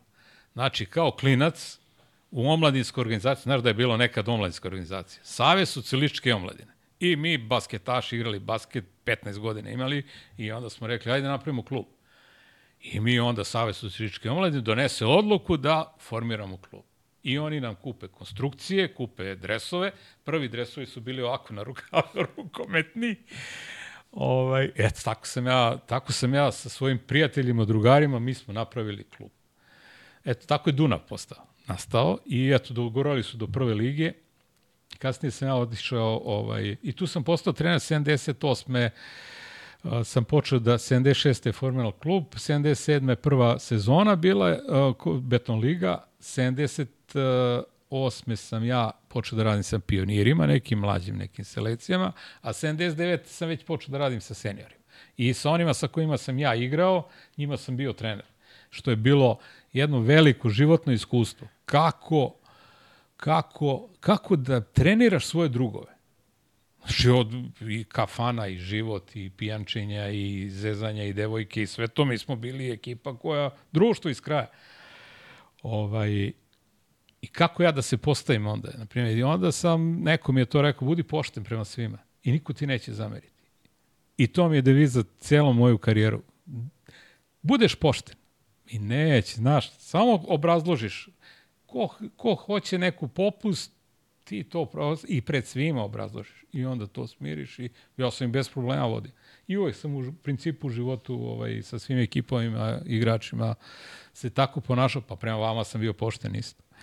Posle toga sam otišao u Lifam, koji je bio odlično organizovan klub, to je Stare Pazove. Tu sam upoznao Božu Maljkovića, Boža bio tu trener. A, a, trener onako u naponu. Ovaj, a, posle par god, posle sam upisao višu trenersku, pa sam otišao na stažiranje, eto, sticam okolnosti u Partizan da gledam šta oni to rade. I onda, eto, tako sam spustio na teren i onda sam ja, to otvoreno kažem, da sam ja učio zajedno sa Divcem i sa tom celom generacijom koja je igrao, bio Željko, bio tre, igrač, Ivo Nakić, e, Saša Đorđević, Lakićević, e, Kopriva, Koprivica, Savović pokojni, da, da, da, cela, da, ta... da, cela ta generacija. Ovaj, I ja sam tu učio zajedno sa njima. Znaš, i sad ti kad mi kažeš ono, ja sam tačno znao, na primjer, Divac kad je otišao u Lakers. Pazi, to je najveći, naj, najveće, uh, najveći uh, uspeh stvaralački naš sa ovih prostora. Da ti igrač iz ove ekipe, iz ove zemlje, ode u najbolju ekipu na svetu i da igra sa najboljim igračem na svetu, sa Magic Johnsonom, u prvoj petorci. On je otišao u Lakersa i odme bio u prvoj petorci. To je mogao samo igrač koji je školovan. Koji je imao talenat. E ono što ja kažem da ne smeta. E to je, to je, to je, to je, suš, to je bit. Da. Ti kad škole, pa ko je, to je veoma, veoma važno. E sad, to ne može svako da radi. Elen, gde sam stao? Ne može, vra, vrati me tamo gde sam stao. A, vidi ovako, ja onako volim malo slike. I sad ti imaš, razmišljam o tome, ti imaš na hiljade akademskih slikara u, u ovoj zemlji. Završili akademiju, sto, mislim, ne znam, aj hiljadu, dve, nemam pojma, lup. Koliko njih zna da, na, da uradi sliku od 100.000 evra? 10. Koliko je to procenat? 0,00. Isto to važi i za trenere. Veoma mali broj trenera zna, moraš da imaš, moraš da imaš nešto što, možda se školaš, završiš školu, ne možda budeš to. To je, to je, ja sad ovo branim trenersku struku i branim one koje su najbolji i koji su dobri i koji moraju da se prepoznaju. Ko je bitan u Formuli 1? Ja to prije navodim kad držim predavanja. Ko je bitan? Vozač. Jeste, ali ko je još bitniji? Ko je najskuplji? u tom celom cirkusu, konstruktor. Pa on kad napravi boled, ima tu su male nijanse između igrača, ovih vozača. Ali konstruktor je taj, onaj glavni konstruktor, pa oni se otimaju, bre, ima njih nekoliko u svetu koji to rade najbolje. A, trenerska struka nam je malo pocenjena. Znači, ovaj, tako da bi morali u tom nekom smislu. Ima, ima sjajnih mladih. I to je, Ima, mogu ti reći sad i ovih novih generacija stvarno. Ima sjajnih mladih, ima ljudi koji su totalno u senci.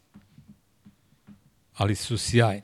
Jednostavno, naš, nema ko da ih pogura, nema ko da ih gurne na scenu. Ima sjajnih mladih trenera. Mislim e da sad, za... o, stao sam kod uh, Partizana, a posle Partizana sam uzeo to u Žice i to mi je prva sezona u, u, u prvoj ligi. Prvi put sam vodio prvu ligu moja prva utakmica u prvoj ligi je e, i Željkova prva utakmica. Te godine i Željko se na klupu. Tako da smo, moja prva e, profesionalna utakmica u prvoj ligi i Željkova prva profesionalna utakmica smo igrali jedan, u, bio je gost Užice, u Užicu, da, Užice, Užice Partizan. I bilo je super, izgubili samo 20 razlike, ovaj, znaš, ovaj.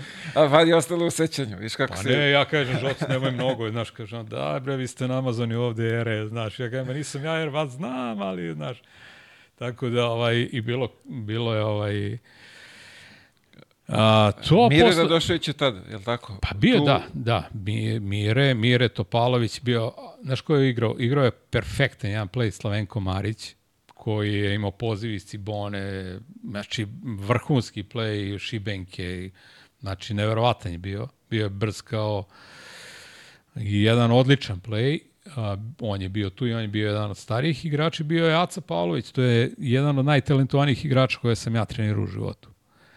Evo, genije, jedan košarkaški genije koji je, koji je onog doktor, doktor košarke i, i on mi je jedan od najvećih komplimenata na kraju ovaj, kad smo se razilazili dao kao treneru ovaj, uh, Uh, bio tu i Smiljanić, neki koji isto mladi igrač, bio ima 20 godina, pa je on posle otišao u Beobanku, igrao u Izraelu i tako dalje. Bio Klikovac koji je isto postao juniorski reprezentativac. On je, on, je, on, je, on je bio u Partizanu, pustio ga Partizan je račun na njega, ja ga dovedem tamo i posle je bio u toj generaciji sa Bodirogom su oni bili zajedno. Posle otišao u Izrael i, i dan danas je u Izraelu. Od tih igrača bio neki Arnautović, bio taj Karapetrović koji jednostavno eto, nije mogao da izdrži drill, bio je Pavićević i šta. znam. Ekipa domaća. Znači sve je bilo domaće u, Jugosla, u zemlji u kojoj su igrali košarku, ali ti kažem Partizan kakvu ekipu. Zvezda imala dobro talento, i Neša Ilić, pokojni Boban, ovaj, Trifa, Znači, Milet, Milisica i Stojković su igrali u, u Bosna je imala perfektnu ekipu sa Bukvom, Primorcem, Avdićem, Gaša Pajavić igrao, mislim, te godine u Bosni. Ma, Bosna je imala ekipu zvoni, kakvu ekipu ima. Beogradski radnički isto imao Luka Pavićević je igrao, Đaković, uh, o Bože, još je, još je bilo nekog baš dobrih igrača. Mislim, baš je bila liga, mislim, ozbiljna, ozbiljna, ozbiljna liga. Nažalost, Da, više bio nema. MZT, da, rabotnički. Bio ti je o, Petar Nomovski igrao, o, Davitkov, Miško Marić, e, Marko Ivanović, ma isto ekipa koja, mislim, nije, nije bilo zezanje uopšte. Da. Posle toga je bilo neka raj banka u Beranu, to mi je onako najteže mi je bilo to u životu, da Kragujevac, e, Leotar, Kina, Ukrajina i tako dalje. Bilo je i tih, ovaj, ka, kako bi nazvali, ekskurzica tih po, po nekim, ovaj, Pa da, ali vidi. Mile, gde god sam išao da gasim vatru, nisam dobro prošao. Znači nisam taj trener, znaš, mislim, ono, treba mi, treba mi to da postavim, da radim, da, znači, da, i da svi imaju koristi od toga. A, zanima me ta saradnja sa Duletom. Dule, tad isto početak bio, ali tako, i njegov. Pa Dule je, dobro, Dule je već imao dobru, Du- Dule je imao karijeru pre toga, radio je po mnogim, i u Zvezdi je bio i u Partizanu, Dule je bio spreman da, da vodi Partizan. Znači, Pričamo koje, koje godine? to? 86. Uf. 86. pa on je 59, on je imao 27 godina. Kad je vodio, kad je 27, d, 87. znači 28, kad je bio prvak države. Mi smo sa, sa 28 je bio prvak, prvak bivše SFRJ. U finalu smo dobili Zvezdu, a, Đurović je bio trener u Zvezdi, Zoki Radović je igrao, na primjer, u Zvezdi, onda ovaj, a, i dobijemo ih 2-0, a Zvezda izbacila Cibonu, što je bila senzacija.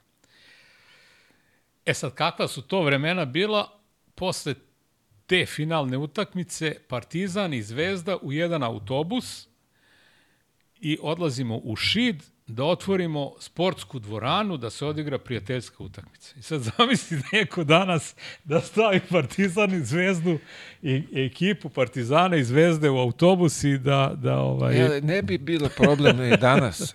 Bez veze, ne bi bio problem da staviš igrača u autobus. a, Igrači, bez uprave, bez uprave. Bez uprave, tako je, bez uprave. Da staviš igrače sad evo u ovu ekipu, jedno i druge nikakav problem ne bi bio, ali ovi okolo su malo ta zajebana ekipa koja tu mrače, što bi se reklo, najblaže da kažemo, mrače. Pa ne znam, znaš, mislim, to su, pazi, vi, vi igrači ste komunicirati, živite jedni sa drugim, šta je, mislim, ja znam neke igrače, ovaj, kad sam ih pitao je, ovaj, da li bi, pa kaže, što me boli, ovo mogu da igram i ovamo i onam, zadesio sam se ovamo i tako. Ali, kažem, mnogo se to nešto loše, ovaj, o, o, oko toga se podiže neka tenzija bez razloga, ne znam čemu sve to. Pa vidi, ali... verovatno, verovatno krivi, znači prvo to nije, nije danas posejano, to je posejano odavno. Uh, to su neke strasti koje, koje, nemaju, koje nemaju veze sa nekom, sa nekom realnošću. Niko tu nije čist, da budemo jasni, mislim, za niko tu nije ovaj čistunac. Što bi se rekli, imaju svi putera na glavi. Pa, znaš, ali to su ti, znaš, mislim, ljudi vole svoje, znaš, sad ono, te neko sačeka ispred u, na ulici, pa ima, ima tu svega i svačega je bilo. Ovaj, a, što je okej, okay, nek bude rivalitet, ali nemoj da, mislim, ružno je bre ono se skandiranje, na, ružno je prepucavanje, ružno je, pusti bre to, mislim, ajde pričamo, ajde da stvaramo. Evo još jedne zanimljive poruke ovde. Iz ovog podcasta mi neke poruka, non stop imamo predloga, ali niko ne sluša. Ili slušaju, ali ne ovi što Pa Dobro, treba da ovaj, vidi, ne, ne, vidi ne ti- čuju. Znači, vidi, ja razumem, ja razumem da je novac. Razumem, pazi, najlakše, najlakše, najlakše se meri a, pobeda. Ali nije pobeda jedina. Ti da bi mogao da pobeđaš, moraš da napraviš bolid onaj. Ti moraš da ga napraviš. Pa, ako ga ne napraviš iz prve, napravit ćeš ga iz druge. Proces. Proces. Popularni proces. Yes. Uh, 99. bombardovanje, sve to kako jeste, ti okupljaš kadetsku... Oh, hu, hu, nisam ja to, au, to je, e, e, sad to je priča isto koja se nadovezuje na to. Na primer, prvu reprezentaciju koju sam ja vodio, to je generacija 77. I Rade Petrović je bio generalni sekretar i on me zove i kaže, slušaj, zemlja je pod sankcijama, ne igramo ništa, ove reprezentacije, ajde okupi generaciju 77. Idemo u Bor, idemo u Bor, tamo napravi pripreme, ajde vidimo da ih okupljamo, da ih držimo. Znači, čisto košarkaški rezon. Ništa drugo. I mi odlazimo tamo na Borsko jezero i to je generacija a, 77. sedmo, to ti Dejan Milojević, Aha, aha. a, bio Latifić, a, Vesa Petrović, a, Jova Stanović i tako dalje. I tu smo, na primjer, tu sam ja, zap, tu sam krenuo sa tom 77. Međutim, ništa se nije igralo, onda smo organizovali a, u toku zime, sad se to već se ne sjećam, to je bilo u toku maja, na primjer, juna, ili u toku leta, zaboravio sam. Ali onda smo organizovali kup uh, takmičenje, ne kup takmičenje, takmičenje u kome, u kome su igrali reprezentacija, to jest selekcija Crne Gore, selekcija Vojvodine, selekcija Beograda i selekcija uh, Srbije. Pa su te četiri ekipe igrale, mislim da smo bili u Kruševcu. Znaš, samo nešto da okupljamo, eto, to je, to je bila moja prva reprezentativna aktivnost. I to je trajalo, ne znam, godinak dana. A, a onda sam 96. uzeo tu reprezentaciju ovaj, i tri i po godine sam je pripremao za evropsko prvenstvo. Wow. Tri i po godine sam... Generaciju 83. Tri, da. Tri wow. I po godine. I ovaj, taj put moj, sam pričao Miodragu Veskoviću, treneru ženske reprezentacije, i on Vesko kaže, molim te napiši knjigu. Ovo stavi bre u knjigu, evo te dalje moguće, znaš, mislim. A, ceo taj put, i ja i dan danas imam treninge, a, imam dokumentaciju šta sam radio tri i po godine sa njima. Imali smo preko godinu dana zajedničkog rada. Znači, neverovatno, znaš, i, ovaj, i to je generacija koja je bila bez, bez sa jednim time-outom smo u, ovaj, a, osvojili prvenstvo, bez poraza i nažalost nije mnogo igrača ostalo kvalitetnih u to, iz, te, iz tih prvi 12. Ali najveći rezultat cela to trojpogodišnjeg rada je da iz te generacije izašlo mnogo jako igrača koji su kvalitetni, pa smo spominjali Peraka, Perina, ovog uh, Pupovića, ali tu ti iz te generacije Saša Pavlović izašao. Znači, koji je praćen, koji je išao sa nama na pripreme. Pa Bojan Popović iz uh, FNP-a koji je dogurao do do, do ovaj, reprezentacije. Da, ali nisu oni bili na... na nisu ušli u 12. Učestvovali, tako je, da, A da, da, da. nisu ušli u 12. Krle, Krstić, koji je imao 201, 2, nogice ko ti, kad si, isto tako, samo noge bile na njemu. I on je to leto izrastao naglo. Znači, to ono normalno što decu u toku leta ovaj, imaju taj udar rasta, on je to u to, u to leto izrasta. A, malina a, iz Čačka, ovaj, znači, čitava jedna plejada igrača je izašla, ovaj, pazi, tu ti bio ovaj iz FNP-a Savanović. I njegov trener me ubeđivao da je on idealan playmaker. Ja kažem, da će bre on play. Ne, on je Savilja, ja se, sećam ga se kao, kao, kao, kao dete. Mislim, on posle izrastao i tako dalje. I sva sreća, njegova karijera što je, što je ovaj, sva sreća što je napravio karijeru, već bio skoro otpisan, ali Da, da. da. Tako da, ovaj, uh, sigurno sam nekog preskočio. Iz te generacije je izašlo jako mnogo igrača. Nažalost, uh, Nemanja Matović, koji je trebao da bude, koji je bio najbolja petica u Evropi, se povredi, već je igrao u Partizanu, on je bio iz Radničkog, ovaj, Mića Peković je bio u toj generaciji, pa neki Bogešić, pa bilo je igrača, Medić iz Novog Sada, svi su oni onako zakačili neke karijere, ovaj, ali ovaj, um, eto, Nemanja je onako baš trebao da bude, imao je potencijal divca.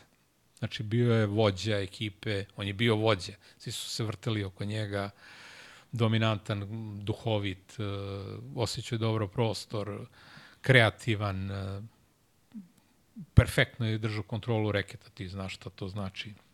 Ja se njega sećam uh, u radničkom, kod Duleta je on bio... Ne, ne, ne, ne. On je došao, on je bio u radničkom, ovaj, bio do, u radničkom, onda iz radničkog prešao u, ali nije bio kod Duleta. Dole, Da, nije kad je, Dule vodio radnički tad kad je on igrao. Ne. Ne, ne, ne. On je, uh, Dule uzeo 2000, ja mislim, pa- da je došao u Partizan. Ili 2000 bio u radničkom, ali nije. Možda je se skinuo nešto, ali nije.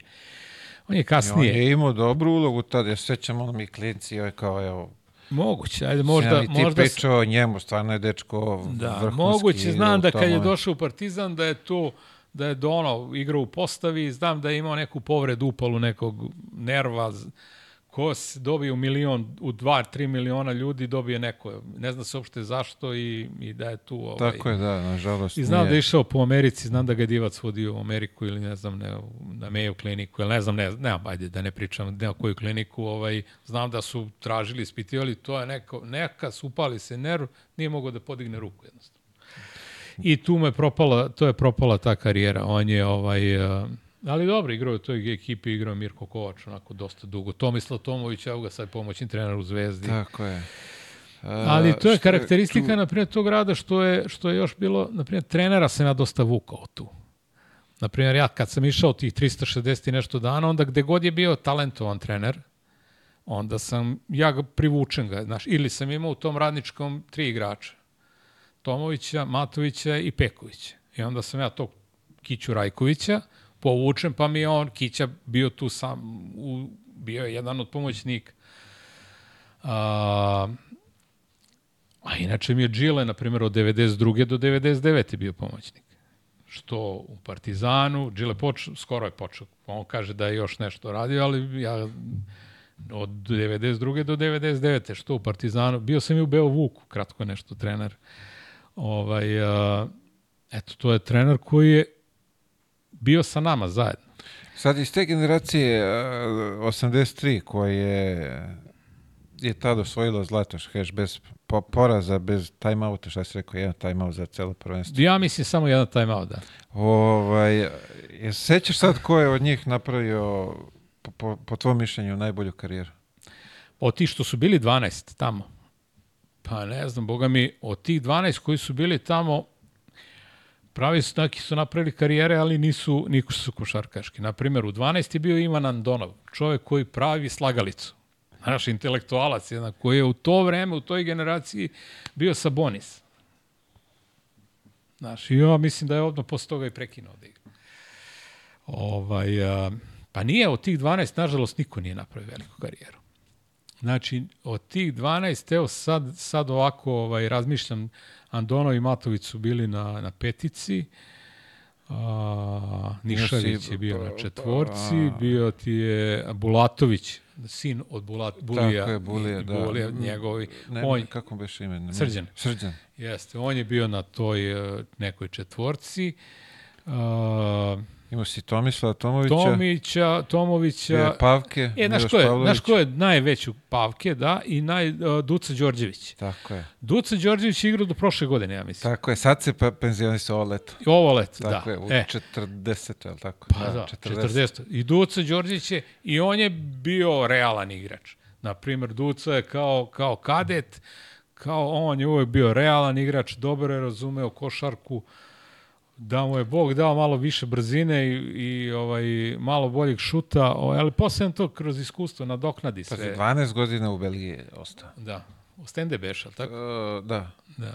12 godina Belgije. Eto, on To je, eto on je, na primjer, a, a Gajić se izgubio. Bio je proglašen za najboljeg igrača kadetskog Evrope i izgubio Aleksandar se. Gajić, on je ušao posle u prvu ekipu, on i Krles se, tad su bili u prvoj ekipi i malo posle toga je Ništa on nije napravio. Bio je on, bio je Mirko Kovač u prvoj ekipi, posle Mirko prešao u Zvezdu, pa je bio kapitan i Zvezde, na primjer. Eto, Mirko je napravio solidnu karijeru, znači, kod, eh, bio je kapitan Zvezde. Ovaj, a, ma, ne znam, nija, pa o, bilo je, bilo je tu još igrača koji su lepe karije, koji su lepe karijere, pa sad direktor Iguke. Ovaj, uh, na Vuka, misliš? Na Vuk, Vuk, Vuk je ta da. generacija, jeste. Znaš, tako da, bilo je tu dosta igrača koji su isplivali, ali nisu bili u, u sistemu, ali ono bitno što sam ja, na primjer, onda davao trenerima, dan zadatak, ja ih okupim, odem u Čačak i ja kažem, e, slušajte, ljudi, moraju da znaju to, to, to i to. Ja kad dođem sledeći put, hoću to da mi znaju. I onda su se tako i ostali školovali. Indirektno. Bilo je trenera koji kažu, e ne, šta to pričaš, sad ćeš ti mene da... Dobro, ne moraš. I takvi nisu ni prolazili. Razumeš, to je, bilo je toga, ali je to bilo suludo, tri i po godine ovaj, jednog neverovatnog entuzijazma.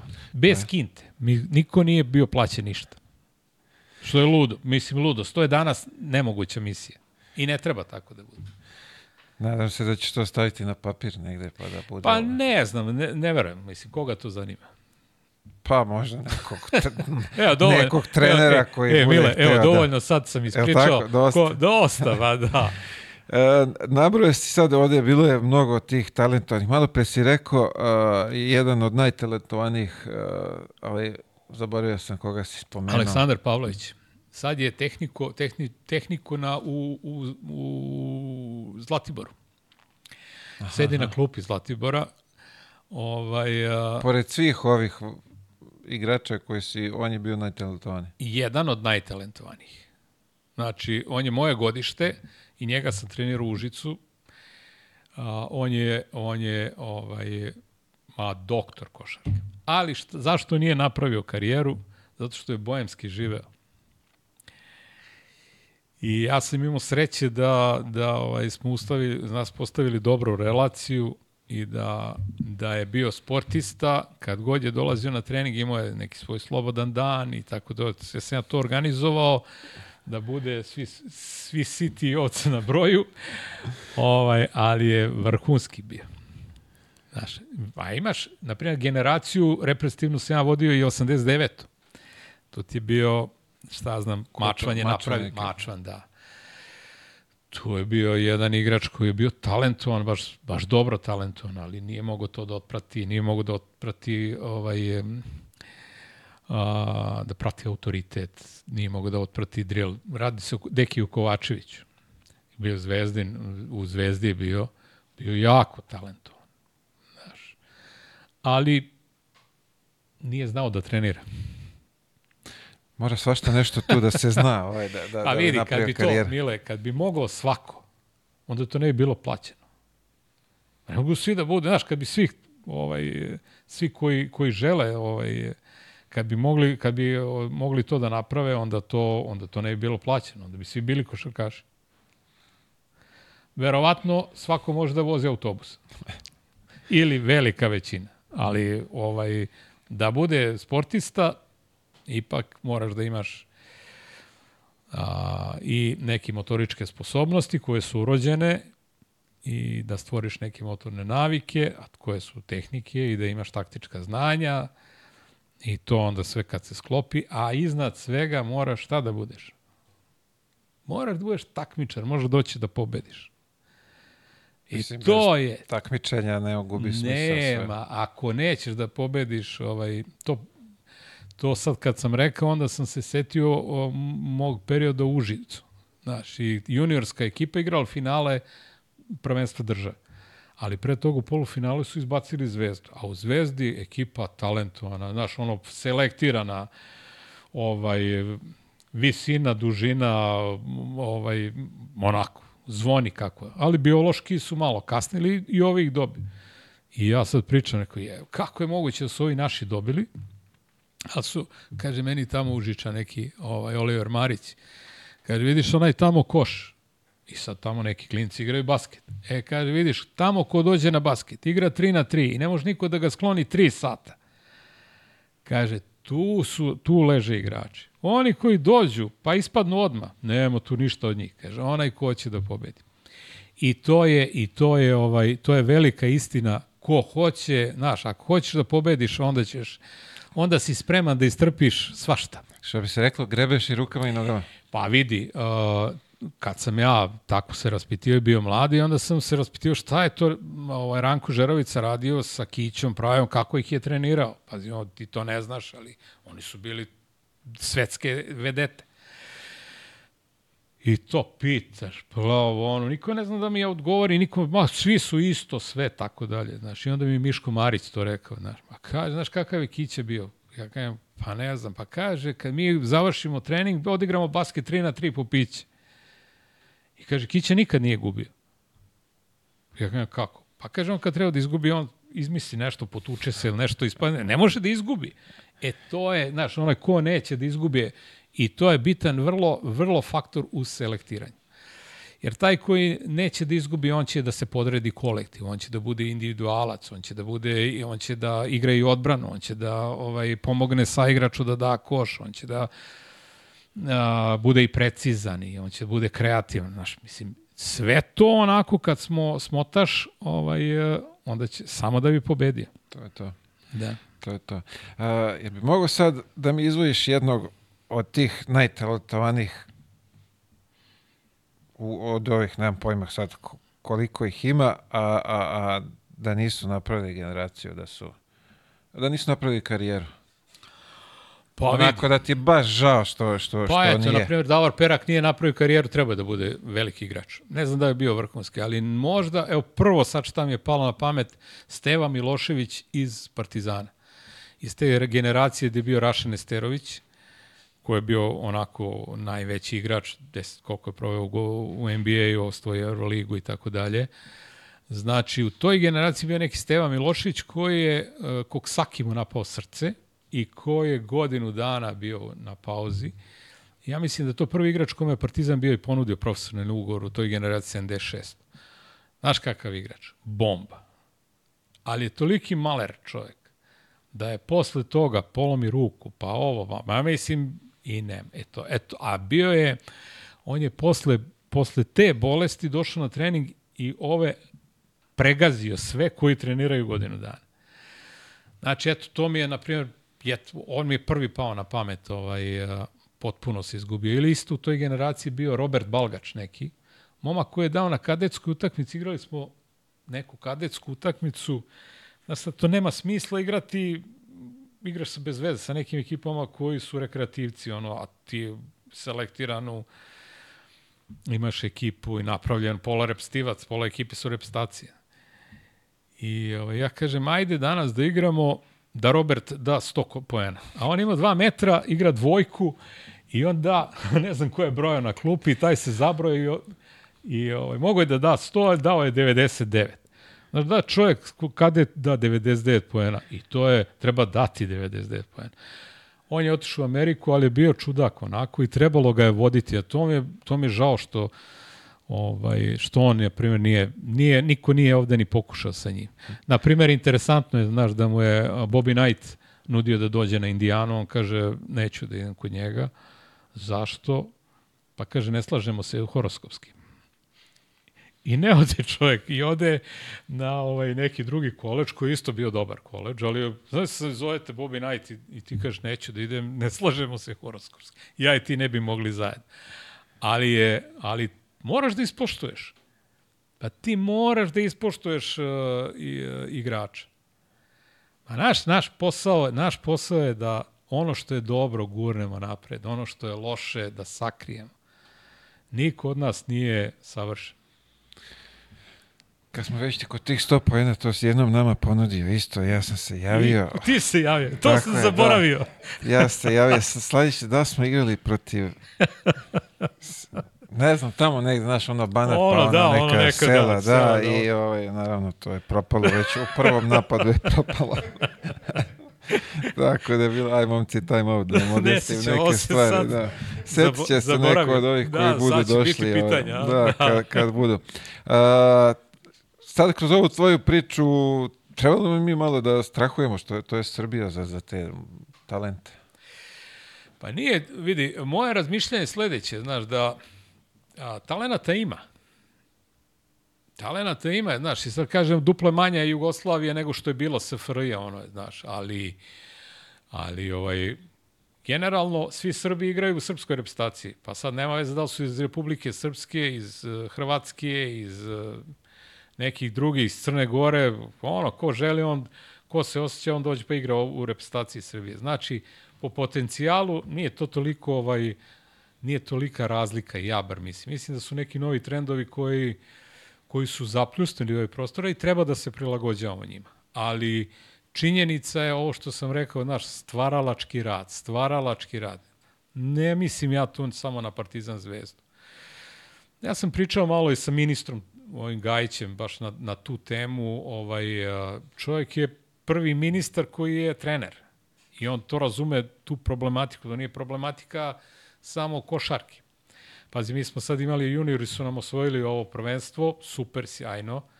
Ja sad da vidimo šta će od toga E. biti i kako, znaš, mislim, super je, sjajno je.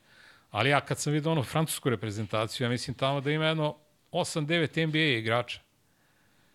Znači, nisu osvojili prvenstvo, ali kako izgledaju, uopšte me na, ne bi začudilo da, da, da ne bude tamo 8-9 igrača. Uh, mislim da mislim da moramo trebali bi da se vratimo struci i da nam struka bude vodilja i da moramo da sačekamo ti ulaganje u to treba da prođe treba da prođe neko vreme Opet, to je proces. proces Svi su se, se meni uvijek ostaje, u, padne na pamet ovaj olimpijski ciklus. Svako spominje taj olimpijski ciklus. Trener koji god dođe, to su neke četiri godine da bi se tu nešto pokrenulo, napravilo.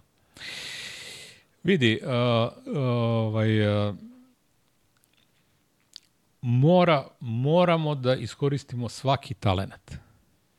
Znači, mi moramo svaki potencijal, svaki talent. Mislim da ima klubova koji to solidno rade. Znači, da li su nestrpljivi, da li, da li ne žele da se kockaju, da li to odmah ubace u biznis i pare. Ovaj, ja ne znam, ali, ali znam da ne bi trebalo da dozvolimo da nam igrači odlaze, ajde ako, neko ode u Real, pa kažem ajde otišao, ali ne bi ni trebali, ne bi trebali da dozvolimo ni to. Jer to je najveća, znaš, a kamo li u Mađarsku, sad kaže ide u Mađarsku da se razvija kao igrač. Mislim, zemlja koja nema tradiciju nikakvu, koja nema, ok, ulažu oni i nešto će imati. Ti danas imaš Češku, na primjer, koja ulaže već zadnjih deseta godina. Pa to sa tom generacijom 89, kad sam nju trenirao, ovaj, onda sam video, na primjer, koliko taj Letonija, na primjer, koliko ulaže u košarku. To se vidi, danas se to vidi. Znači, nije bez veza, nije košarka bez veze i, i taj temperament njihov je vrlo interesantan, letonaca baš. Potpuno je drugačiji od litvanaca. Ovaj, pa sa tom generacijom 83, ja sam zakačio kad su o, Francuzi počeli da stvaraju sistem. Pazi, mi smo imali otvoren, znači Savez imao otvoren poziv. Ja kad god sam hteo mogu sad imam u Francusku, na koliko god hoću priprema o njihovom trošku. Wow. I išli smo mi. Mi odemo tamo, oni su samo krali znanje. Naprimer, bombe su padale po Beogradu. Isto smo imali od Turaka. Turska federacija nam je platila zadnjih 15-20 dana pred odlazak na Evropsku, da se sklonimo iz Beograda. Dođite kod nas, naši ste gosti, da se sklonite iz Beograda. I mi smo se spakovali preko Budimpešte, otišli za i trenirali na njihove najbolje tu u tom trenutku Hali Abdi Pekči, zajedno sa njihovom seniorskom reprezentacijom. Zašto? Da bi krali od nas. Da, da bi da. krali znanje. A, e već sa 89. ja sam to uzeo, to sam bio kratko nešto, ono, stavili me u decembru pa sam trebao da idem na prvenstvo i ja i tu smo imali pehova, koje kakvih mi dosta pehova je bilo. Ovaj, tu je bio, na primjer, igrač koji nije napravio karijeru Katnić. Dule Katić koji je mogo da bude ko Mirza, ko Mirza je mogo da igra. I on ja, nije, imao je ukrštene, povrede ukrštenih i njega je povreda omela. I inače imao štofa da bude takav igrač kao što je bio Mirza. Nisam mogao da pronađem ozbiljnu ekipu da, da odigram ovaj, završne one pripreme, završnih par utakmica pred prvenstvom. Niko nije hteo da igra s nama. Znaš, prosto neverovatno. Ovde iz, u Srbiji? Ba ne, u Srbiji, ne. Sa re, pričam ti o reprezentaciji. Aha, aha, aha. Reprezentacija nije zvao Turke, zvao Francuze, zvao Nemce, zvao Italijane. I ole ozbiljnije. Ma kako, svi su nas otkačili. A šest godina pre toga su svi molili i tražili samo doćite. Što, što je naš, moguće da je, da je neko. Ali Ovo sam sad spomenuo Gajić. Pogledaj, uh, ostale represivne selekcije u futbalu, u drugim sportovima. Teško postižemo dobre rezultate na evropskim takmičenjima, na svetskim takmičenjima. Tu i tamo neki individualci. Pa ranije je bilo klasika svake godine ti donese vaterpolo reprezentacija zlata u svemu. I juniori, i kadeti, već kako se tamo to zove. Ovaj, uh, rukomet, uh, odbojka Danas to na prste možda izboriš. Znači, nije samo problem kod, u košarci, Ovaj mi smo dozvolili da nam čak ispadaju u B diviziju neke tako ekipe je, i tako da. dalje, znaš. I tome, ovde smo i pričali o tome, uh, ti klinci odbijaju i pozive za, za, za, za tu reprezentaciju, što je baš onako poražavajuće. Pa jeste, jeste, ovaj, jeste, e sad treba da se zapitamo zašto je to tako. Šta su pravi uzroci tom? Znači, uh, jeste, samo treba da izvučemo pouku iz svega toga. A, Opet. Ajde pričamo nešto interesantno. Ili imamo nešto lepo da pričamo? Ajde, pusti vre, ovo vreme. Imamo, ajde ovako, interesantno. Daj nam petorku igrača da napriš onako kako god ti odlučiš koje si trenirao kroz karijeru. Jo, da, pa ima talentu, te, da. A? Teško je to, pa vidi. Vidi. To je najzahtevnije pitanje ovde od svih koje postavljam pa, teško, i to uvek da. ostavim za kraj da čo, ovaj da, gost pa, ima mile, vremena. Mile, da. teško, teško je to, na primer, uh, kad sam bio pomoćni trener u Partizanu, to je jedna generacija koja je, znaš, ali ja sam tu bio pomoćnik, ali sam, ali sam ovaj, uh, znaš, sa tim veličinama, svetskim veličinama sam bio tu, znaš. Sigurno Darka ne bi mogao da sklonim nikako razumeš, nikako ovaj, iz bilo te koje kombinacije, ali ovo ostalo, ba, malo je 20-30 igrača da bi ovaj, znaš, ili Rašo Nesterović, a moraš da ga staviš zajedno s Darkom, sad igramo sa dve petice, a? Sa dva, sa dva pet, momka. Bitno sad... je, pe, pet je bitnih sad. A ne, znaš, formacijski. Pre je bilo i ono, je, da. jedan u centar, sad igraju i sa bekovima, vidiš da je da, otišlo sve. sad igraju, da, ali znaš, toliko je bilo igrača, ne, ne mogu da se sjetim. Ne mogu da, znaš, ono... Nekog ćeš izgubiti. Ne, a izgubit ću, izgubit ću, a toliko, ovaj, toliko mi je dragih tih ljudi, ovaj, ne bi nekog da preskočim, ovaj, a, a da, a da je mogo tu da bude, a ima ih sigurno koji u konkurenciji jedno 30-ak sigurno. Ajmo, mislim, vidi, tri, tri desetak sigurno, znaš. Mašala, što bi se reklo, pa, bilo, mašala. je, bilo je dosta. Čekaj da vidimo šta nam grupa ovde radi. Možete, mi smo pre smo krenuli pustili ovama poruku na ovu našu grupicu. O, imamo pozdrave iz Katara. Či selektor Katara je tu. Pravi ručak. Veliki pozdrav i, i od Bosketa. Aha. To je pomoćni trener. A, šta imamo ovde? Imamo Davor Perak. Kaže, neki kotao ti je našao majstora za kotao. E, super. Javit će ti, super, ovaj, verovatno sad super. kad završimo. A, evo ga i Miljan Pupović se uključio. Gleda večeras. A, ali uglavnom, to je jedna naša grupica koju smo oformili.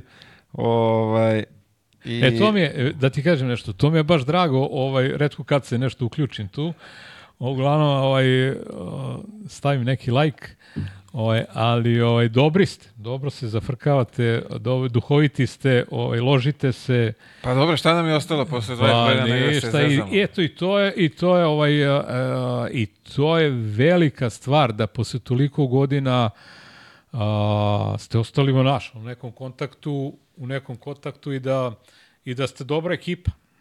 Znaš, mislim, kroz to, kroz to zezanje vaše, ovaj, vidi ste da ste dobra ekipa i bilo je zanimljivo tamo u tom internatu je bio, bio je veselje. Bilo je, da, to bi isto moglo i knjiga i film.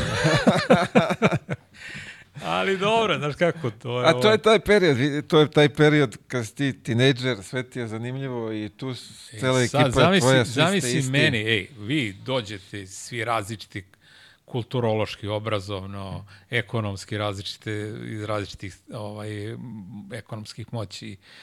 Dolazite tamo, ja sad sve da vas eh, kontrolišem. Ovaj, eh, bilo mi je bilo mi je, više sam provodio vremena mnogo, mnogo više sa vama nego sa, sa ovaj, Porodica. po, ba de, bre, to, to pa, Da, ozbiljan, ti si ozbiljan teret uzeo na, na, na što bi se Pa rekao, le na mi bre, pa sam organizovao more, si sećaš to? Sećam se. Da, da, pazi, ja vam Sećam se. organizujem i idete na more. jel, a- I sva sreća Darka, sva sreća da nije bilo hemofarma i hemofarmih ljudi Dar, da ne znam, znaš kak, kad sam ja dobio, kad mi je javljeno, Da, da, to je Panika jedva je bila. Pretekao. panika jedva je preteko Darko. Da, sa slepim, slepo crevo je Slepo bilo. crevo, nažalost, da. Pa bilo je tu i pravljenje obuće i bilo. Tako je, prve šimike si nam obezbedio. Pa šta će, znaš, Prve kaže, kaže, šimike, ali cipela, stvarno pa- su bile šimike. Ej, to je pa, znaš ko je, znaš ko je tu? Pači kljun, ej, Pači kljun, devet- 2000, Prva, 2000, 2000. Tako, tako. A, a ne, pazi, kako nemaš cipele? Pa kad da kupim cipele? Kako bre nemaš da... I bio je čovjek koji radi u klubu, a radi tamo bila neka fabrika obuće. Tako je, da. I ja kaj maj napravi tim cipele. I sad oni kreteni naprave cipele koje ovaj neće da nose. cipele su takve bile za, za, za klizanje dušu dale. Pači Ali ručni rad je bio. To je to. Šteta što ih nisi sačuvao.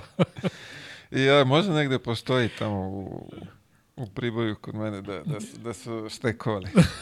Ko zna. Bilo je to, stvarno je, ovako sad kad se setimo, zanimljivo, svaka ti čast što si imao hrabrosti da tako te klince skupiš tamo, da, da nam daš šansu da nešto napravimo od života. Pa dobro, vi ste iskoristili to, ja sam hteo to da, ovaj, ja sam hteo i svoju karijeru da nadogradim. Znaš, bio sam 99. prvak Evrope, ali nisam hteo da napustim Hemofarm. Bilo je onda i ekonomski to da naplatiš odmah, te drugi, mogo se, moglo se to bez problema ovaj, uraditi. Nije mi žao. Znaš, iako nisam otišao iz tog hemofarma veseo, ovaj, otišao sam kao i što si ti otišao iste godine smo otišli. Tako je, da. Ali ovaj nema veze, znaš, to je ovaj to je to. A dobro, nema mnogo ovaj, ovde trenera da, da može da se pohvali da mu je igrač bio drugi pik na draftu. Pa i nema. Tako nema. da- Ko, u stvari ima samo jedan drugi pik na draftu. Nema, niko nije bio prvi, niko nije bio prvih drugi. nemamo, možda neko sad u Možda skorijoj neko sledeći, budućnosti, možda u da, sledećem ali za turnusu, sad da. tu si, Da. Ovaj, a, mislim, mi, mi imamo talentovane ljudi. Mi smo talentovana nacija u svemu. Mislim, nije to, nije samo u košarka u pitanju. Znaš, koliko naših ljudi ima koji su napravili dobre karijere, naučne karijere u svetu. Znaš, mislim, mnogo jako. Koliko su naši Pa pogledaj, Miško je jedan od najboljih agenata u Evropi, ili tako? Pa i on je iz ove sredine izašao. Na, pa naši treneri, nažalost, moramo da pravimo velike trenere. Moramo da tu, se, tu treneri su, odslikavaju A, gde god je Željko, on je, on je pravio klub. Gde god je Boža, on je pravio klub. Oni su okosnice. Dule bio okosnica Partizana. Sve se vrtalo oko trenera. Pokojni Aca, Ranko, Duda. Alo bre, to gde oni dođu, to treneri vuku. Je, pa, Ali sam ja pričao malo pre, i treneri su vukli u Valjevo, i Čačak, neki tamo treneri, i Bor, i, i tamo gde nije bilo tih trenera, tu nije bilo ni košarke. Novi Sad nikad nije imao tako prepoznatljive trenere. Niš nikad nije imao tako prepoznatljivih trenera kao što je imao Leskovac nekog špileta. I to je, to je, to je ovaj, treneri su motori. Slažem se. Sad uh, imao sam priliku da budem gost uh, u Moskvi gore, ovaj, bio je VTB Super Kup mm -hmm. i pričao sam baš sa, sa predsednikom VTB, a u tom momentu on je bio uh, predsednik CSKA kad je Dudu doveo. Mm -hmm. I kaže, nama je Duda postavio klub mm -hmm. ovaj što je danas. Mm -hmm. Znači on kad je došao, smo bili, nije tako rekao, ali bili smo ono grupa građana Međutim, kad je on došao, postavio je klub mm -hmm. kakav je CSKA danas mm -hmm. i od, od, od njegovog dolaska je sve to zdravije, što bi se reklo, mm -hmm. na, na, na dobrim osnovama, tako da... A, to je tako. I to je, to je, to je, naši sa tu harizmu koju vuku ljudi, znaš, to nisu, e sad, to, ne, to nisu poslušnici. Njima se da odrešen ruk i on ti vrati. Ja sam svoje vremeno sam slušao jedan dobar, dobar intervju ovaj, od našeg jednog od najvećih futbalskih trenera Boškova. Uh -huh. I ovaj, pitanje je bilo, mislim da je trenirao sam Dorio ili ne znam, nije ni bitno. I onda je novinar ga pitao, a, je li on najbitniji u klubu ili igrač? On kaže, ne, ne, ne, ne, taman posla. Znate kako funkcionišu klubovi? Kaže, zna se ko je gazda kluba. I onda taj gazda kluba, oni odluče, ili uprava ta kluba, njih nekoliko, odluči šta oni hoće sledeće godine. I na osnovu toga šta oni hoće sledeće godine, onda oni biraju direktora kluba i kažu direktoru kluba, mi sad, ili glavnog menadžera kluba, mi sad hoćemo to i to. I on sad onda na osnovu toga, znači on je isturena ruka uprave kluba, onda on bira trenera koji će moći da ispuni te uslove. Hoćeš da budeš šampionsku ekipu, znači imamo mnogo para, hoćemo da uzimamo vrhunske igrače, ne interesuje mnogo razvoj, to je to. Hoću da razvijam, hoću da, znači, postavlja sebi cilj. Cilj i strategiju za tu godinu ili sledećih nekoliko godina. I onda on uzme i bira. Sad, kao što, na primjer, kreator, sad napravi neki model tamo, venčanica, na primjer. I te venčanice ne mogu da nose sve manekinke. I onda on uzme buk i bira, ovaj, bira koje će to manekinke najbolje da iznesu te modele. Tako isto bi trebalo i treneri kad biraju igrače da uzmu pa listaju da vide ko to može da mu odgovara, ali isto tako i klubovi da uzmu i da kaže čekaj, sad mi treba ovakav trener. I sad ti imaš ljudi koji su napravili nešto pa više nikad nisu. A imaš ljudi koji se ponavljaju. Znači, neki su možda i slučajno nešto uradili, ali imaš neke koji nisu slučajno. A, to je tako. I ja sad kad bi birao, ja bi znao, kad bi ja vodio klub, znao bi šta hoću. I sad kad budemo popravljao peć za grejanje, onda ću znati da biram kog ću majstora. Evo, majstor smo obezbedili već. Majstor je obezbeđen, samo još da dođe i da popravi. Da. Uh, imam sad ovde poslednje pitanje za tebe, što bi se reklo. Uh, Savet za mlade, mnogo smo o njima pričali. Prošli, prošlo si to sa, sa mnogo nas Šta bi ti posavjetovao? Pričaš o mladim igračima Mladim igračima, mladim igračima koji... A i bravo, možemo i za trenere, bravo. Može i za trenere Ma, da daš ovaj bitno neki... Je, vidi ovako, bitno je da budu posvećeni. Znači, ja verujem u to, zasluži pa traži. Iako to baš nije baš najbolji recept uvek. Ali, budite posvećeni, radite na sebi, dajte i sebe maksimum. Ne mogu svi da budu. Znači, ne mogu svako da postane igrač. I malo pre sam rekao, ko ne može da bude igrač, nek bude publika sutra će svoje dete opet da pošalje na košarku, što je velika stvar za košarku, ali svi ne mogu da budu. Znači, ovaj, nek budu posvećeni, neka rade na sebi, nek imaju sreću, nek traže najbolje trenere. Najbolji treneri će ih učiniti boljima. A, I oni će ih oblikovati u najboljem smislu. Ono, kad si dobar, pa svi ćete hteti.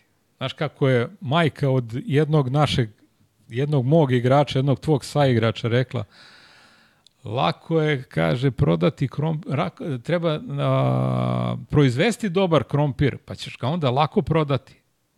Tako isto važi, treba, budeš dobar, pa ćeš onda lako pronaći mesto pod suncem.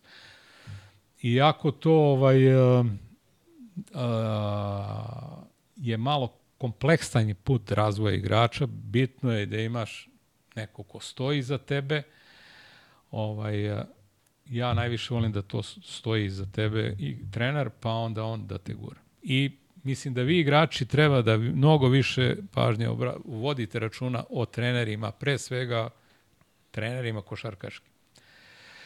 A, radite, treba igrači da radi kad se završi sezona. Kaže Mart, pa završeno. Ne, pa tek onda se radi. Jer ti kad završiš sezonu, šta onda radiš? Ništa. Pa ti onda praviš, to se zove posttakmičarski period, Pa tek onda, mislim, u nekim bivšim vremenima, možda to i sad rade, ja neću da ne znam, ali kad se završi takmičarska sezona, onda imaš dva, tri meseca ništa. I onda ti sebe nadograđuješ. Korek, vršiš korekciju nekih stvari i učiš nešto novo. I sad, na primjer, ti si dao 10 pojena u prošloj sezoni i pretprošloj. Da bi sledeće godine dao 14, ti ćeš da naučiš jednu novu centarsku tehniku samo dva puta da napraviš realizaciju više. Znači imaće 14. A sledeće leto ćeš da napraviš, naučiš još jednu novu centarsku tehniku i onda ćeš davati 18 ili 20. I ti ćeš za dve godine biti duplo bolju statistiku ćeš imati nego pre dve godine.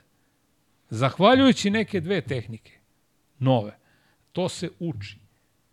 I to se primeni. Ili si u rampirao, imao si 0,2% rampi, a onda napraviš o, šest rampi na utakmici. I, e, to se uči sad. To ja tako gledam, možda to i nije. neka mi ispravi, ovaj, nek mi ne zamere drugi, ali ja to tako gledam i zato igrači radite, budite posvećeni, nadograđujte sebe i eto, to je to. Sve jasno kao dan. Nadam se da si uživao u našem Ma, razgovoru, da nisam jesam. bio, ovaj, nisam mnogo tražio. Ma ne, Pričali mislim... smo vedri, vedre teme, trudili smo ba, se, nismo da, malo, da malo, malo, malo smo kritikovali, ti i ja, malo, malo želimo bolje Ali naše mora, košarci. mora da postoji kritika. Bez kritike ne možeš da napreduješ. Vidi, ovaj, nikom ništa lično, ali želimo da bude bolje. Znaš, kako kaže pomoćni moj trener, bivši Boske, Neću da gledam. Što neću da gledaš? Pa kaže pet stranaca, kaže u petorci. Pa dobro, šta ima veze? Ma neću da gledam, znaš. I nemam ništa protiv stranaca i mi smo stranci kad odemo negde. Tako je, da. Ovaj, ali ovaj, više bi volao, ja bi lično voleo da odavde ode igrač gotov i da se odavde klub zaradi, da on zaradi, da se onda tu negde i trener taj koji je stvaralac, na, da i on bude u tom kolaču nekom, znači da i on, znaš, mislim, da i on bude u tom celom, ovaj, da podeli deo torte i on. I to je ovaj svi svi da budu zadovoljni. Znaš, ako to sam naučio u Hemofarmu, ovaj kaže simbol, ovaj kaže bitno je da bude u simbolu zatvoren krug. Ako nije krug zatvoren, onda curi. I kaže i onda i onda su mi to kaže pogledaj znak Mercedesa, zatvoren krug, pa pogledaj Audija, pa zatvoren i, i stvarno to u mnogim simboli su zatvoreni što ima smisla, verovatno. Originalni Coca-Cola i Jao Mile je zatvoren. Ja sam šupalj na sve strane. Nisi, brate, ovdje, curi i, ti si, i ti si ovde u punom krugu. Ne, ja, Vi stvarno, da, jesu. Jesu, jesu, jesu. O, ko ti napravio do... Nije ni znao znači, šta radi. Da, ne. A? A većinu stvari ljudi kad naprave ne znaju šta rade. Tako da, Odlično, dobro, znači Ništa. zatvorili smo tu priču. Zatvorili ovaj, smo krug, smo zatvorili se, smo da, krug. Zatvorili da. smo krug, da. ispričali smo se, ovaj, imamo ovde za tebe od big sponzora ovaj Hybrid Hvala. 5. Hvala. Sad idu slave, što ja volim da nagovorim, treba biti uvek doteran lepo da izgledaš tako da. Pa u ovim mojim godinama sad je to jako bitno. Ali dobro svakako. A dobro, nikad ja, ti znaš mene da nikad ja nisam ovaj, preferirao tu, ovaj, da mi to nikad nije bilo u prvom planu. Do duše nisam bio ovaj aljkav. Ovaj, Nisi, ali opet, Da. bilo je sve pod konac. Znaš kako je bilo pod konac? Sad da ispričam još nešto. Pazi, ja treniram vas, ovaj, za, za publiku pričam. I onoj hemijskoj školi ja kažem, slušajte, idem sad gore na tribine, zapalim cigaru i da uživam, nemoj da mi nešto zabrljate, da me nervirate. I ovaj, eto, to je, to mi je sad palo ovako na pamet. Uh, Vidi, prošli smo mi, boga mi, dobar drill kod tebe. Nadam se da, da, da nam je to pomoglo i, u, i u ovim posle, što bi se rekli, i ovim odraslim godinama, da smo nešto iz tog drila naučili i da smo... A bitno je da ste Izrasli. normalni, nije bitno je da ste normalni ljudi, naplatili ste se, ostvarili ste deo karijere, bili ste popularni i putovali ste po svetu. Pa najlepše je biti igrač. Jeste. Znači, ne postoji bolje zanimanje nego biti dobar, dobar profesionalni igrač. Prvo zarađuješ novac ili to zadnje. Ali biti popularan, to je lepo. Znaš, pa lepo, prijatno. Nek... Mislim, ono, kad budeš preteran, onda ti to i smeta, ali lepo je. Umeren, Da, umeren. otvo, otvorena su ti sva vrata. Znaš, nema goriva na pumpi, on ti sipa gorivo. Nema ovo, ot, pre, prepoznaju te ljudi, poistovećuješ se ljudi sa tobom. Imaš najlepše devojke, žene, te jure, ovaj, e, sve to lepo. Znaš, i obiđeš svet. Isto i, I to je, znaš, tako da biti profesionalni dokle god dobro je, kad ne možeš, budeš svestan da je to bio divan period i to je to. Kad ne može, pređeš ovako, otvoriš podcast i onda opet.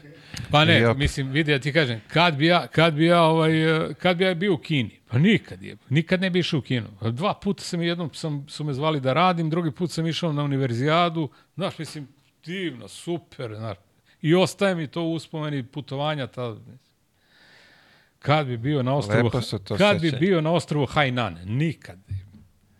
Dobro si zapamtio koje je ostrovo u pitanju. Hainan, pa bio sam tamo 20 dana. pa Ja znam da se sleteo to kad smo išli u ono, Koreja, kad je bila, sleteli smo, mi misli stigli smo, kaže, ne, ne, ovde smo usput, ono, stali nešto usputna stanica, Taipei. Šta je Taipei, čovječe? Ono država. Država, taj pej. Taipei. Ali nismo je videli, nego smo samo tu na aerodromu malo ovaj, zadržali se i to je to. Da. Tako da neke te stvarčice. Pero, Ništa, hvala Lemi, ti mnogo hvala i na tebi. odvojenom vremenu. Nadam se da je, ovaj, da, da, da je publici interesantno da čuje kako smo mi to, ovaj, taj naš boravak u vršcu iskoristili. Neki su, ovaj, neki smo i uspeli, neki nisu.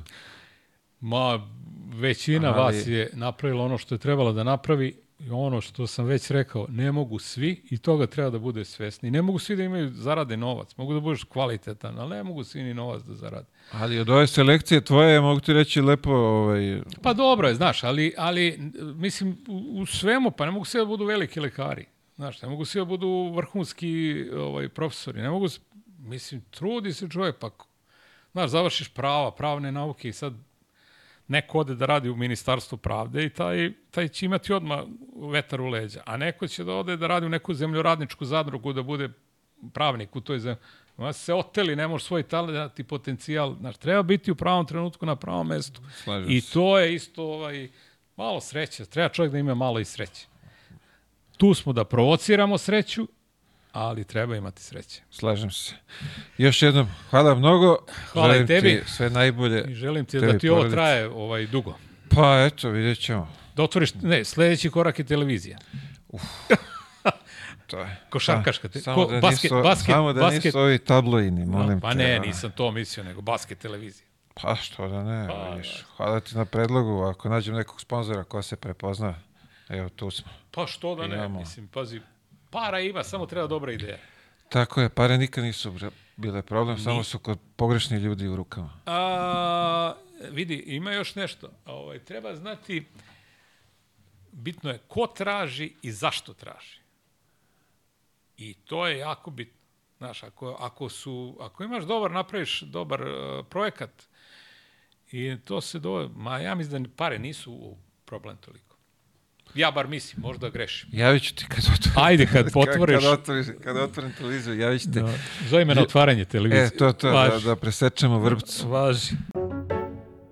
Novi Big Hybrid Flex savršeno brije. I da, oštrice mogu da mu se zamene. Dragi prijatelji, bio je ovo Petar Rodić, uh, moj trener iz kadetskih i juniorskih dana, čovjek koji je uh, pomogao dosta u razvoju Darka Miličića, drugog pika na draftu od 2000 i treće, četvrte, treće, Treće, druge, treće. treće, tako nešto, treće, ja mislim, da. 85, 83. Tako da, nadam se da ste uživali u razgovoru, a mi se vidimo već sledeće srede. Svako dobro i pozdrav.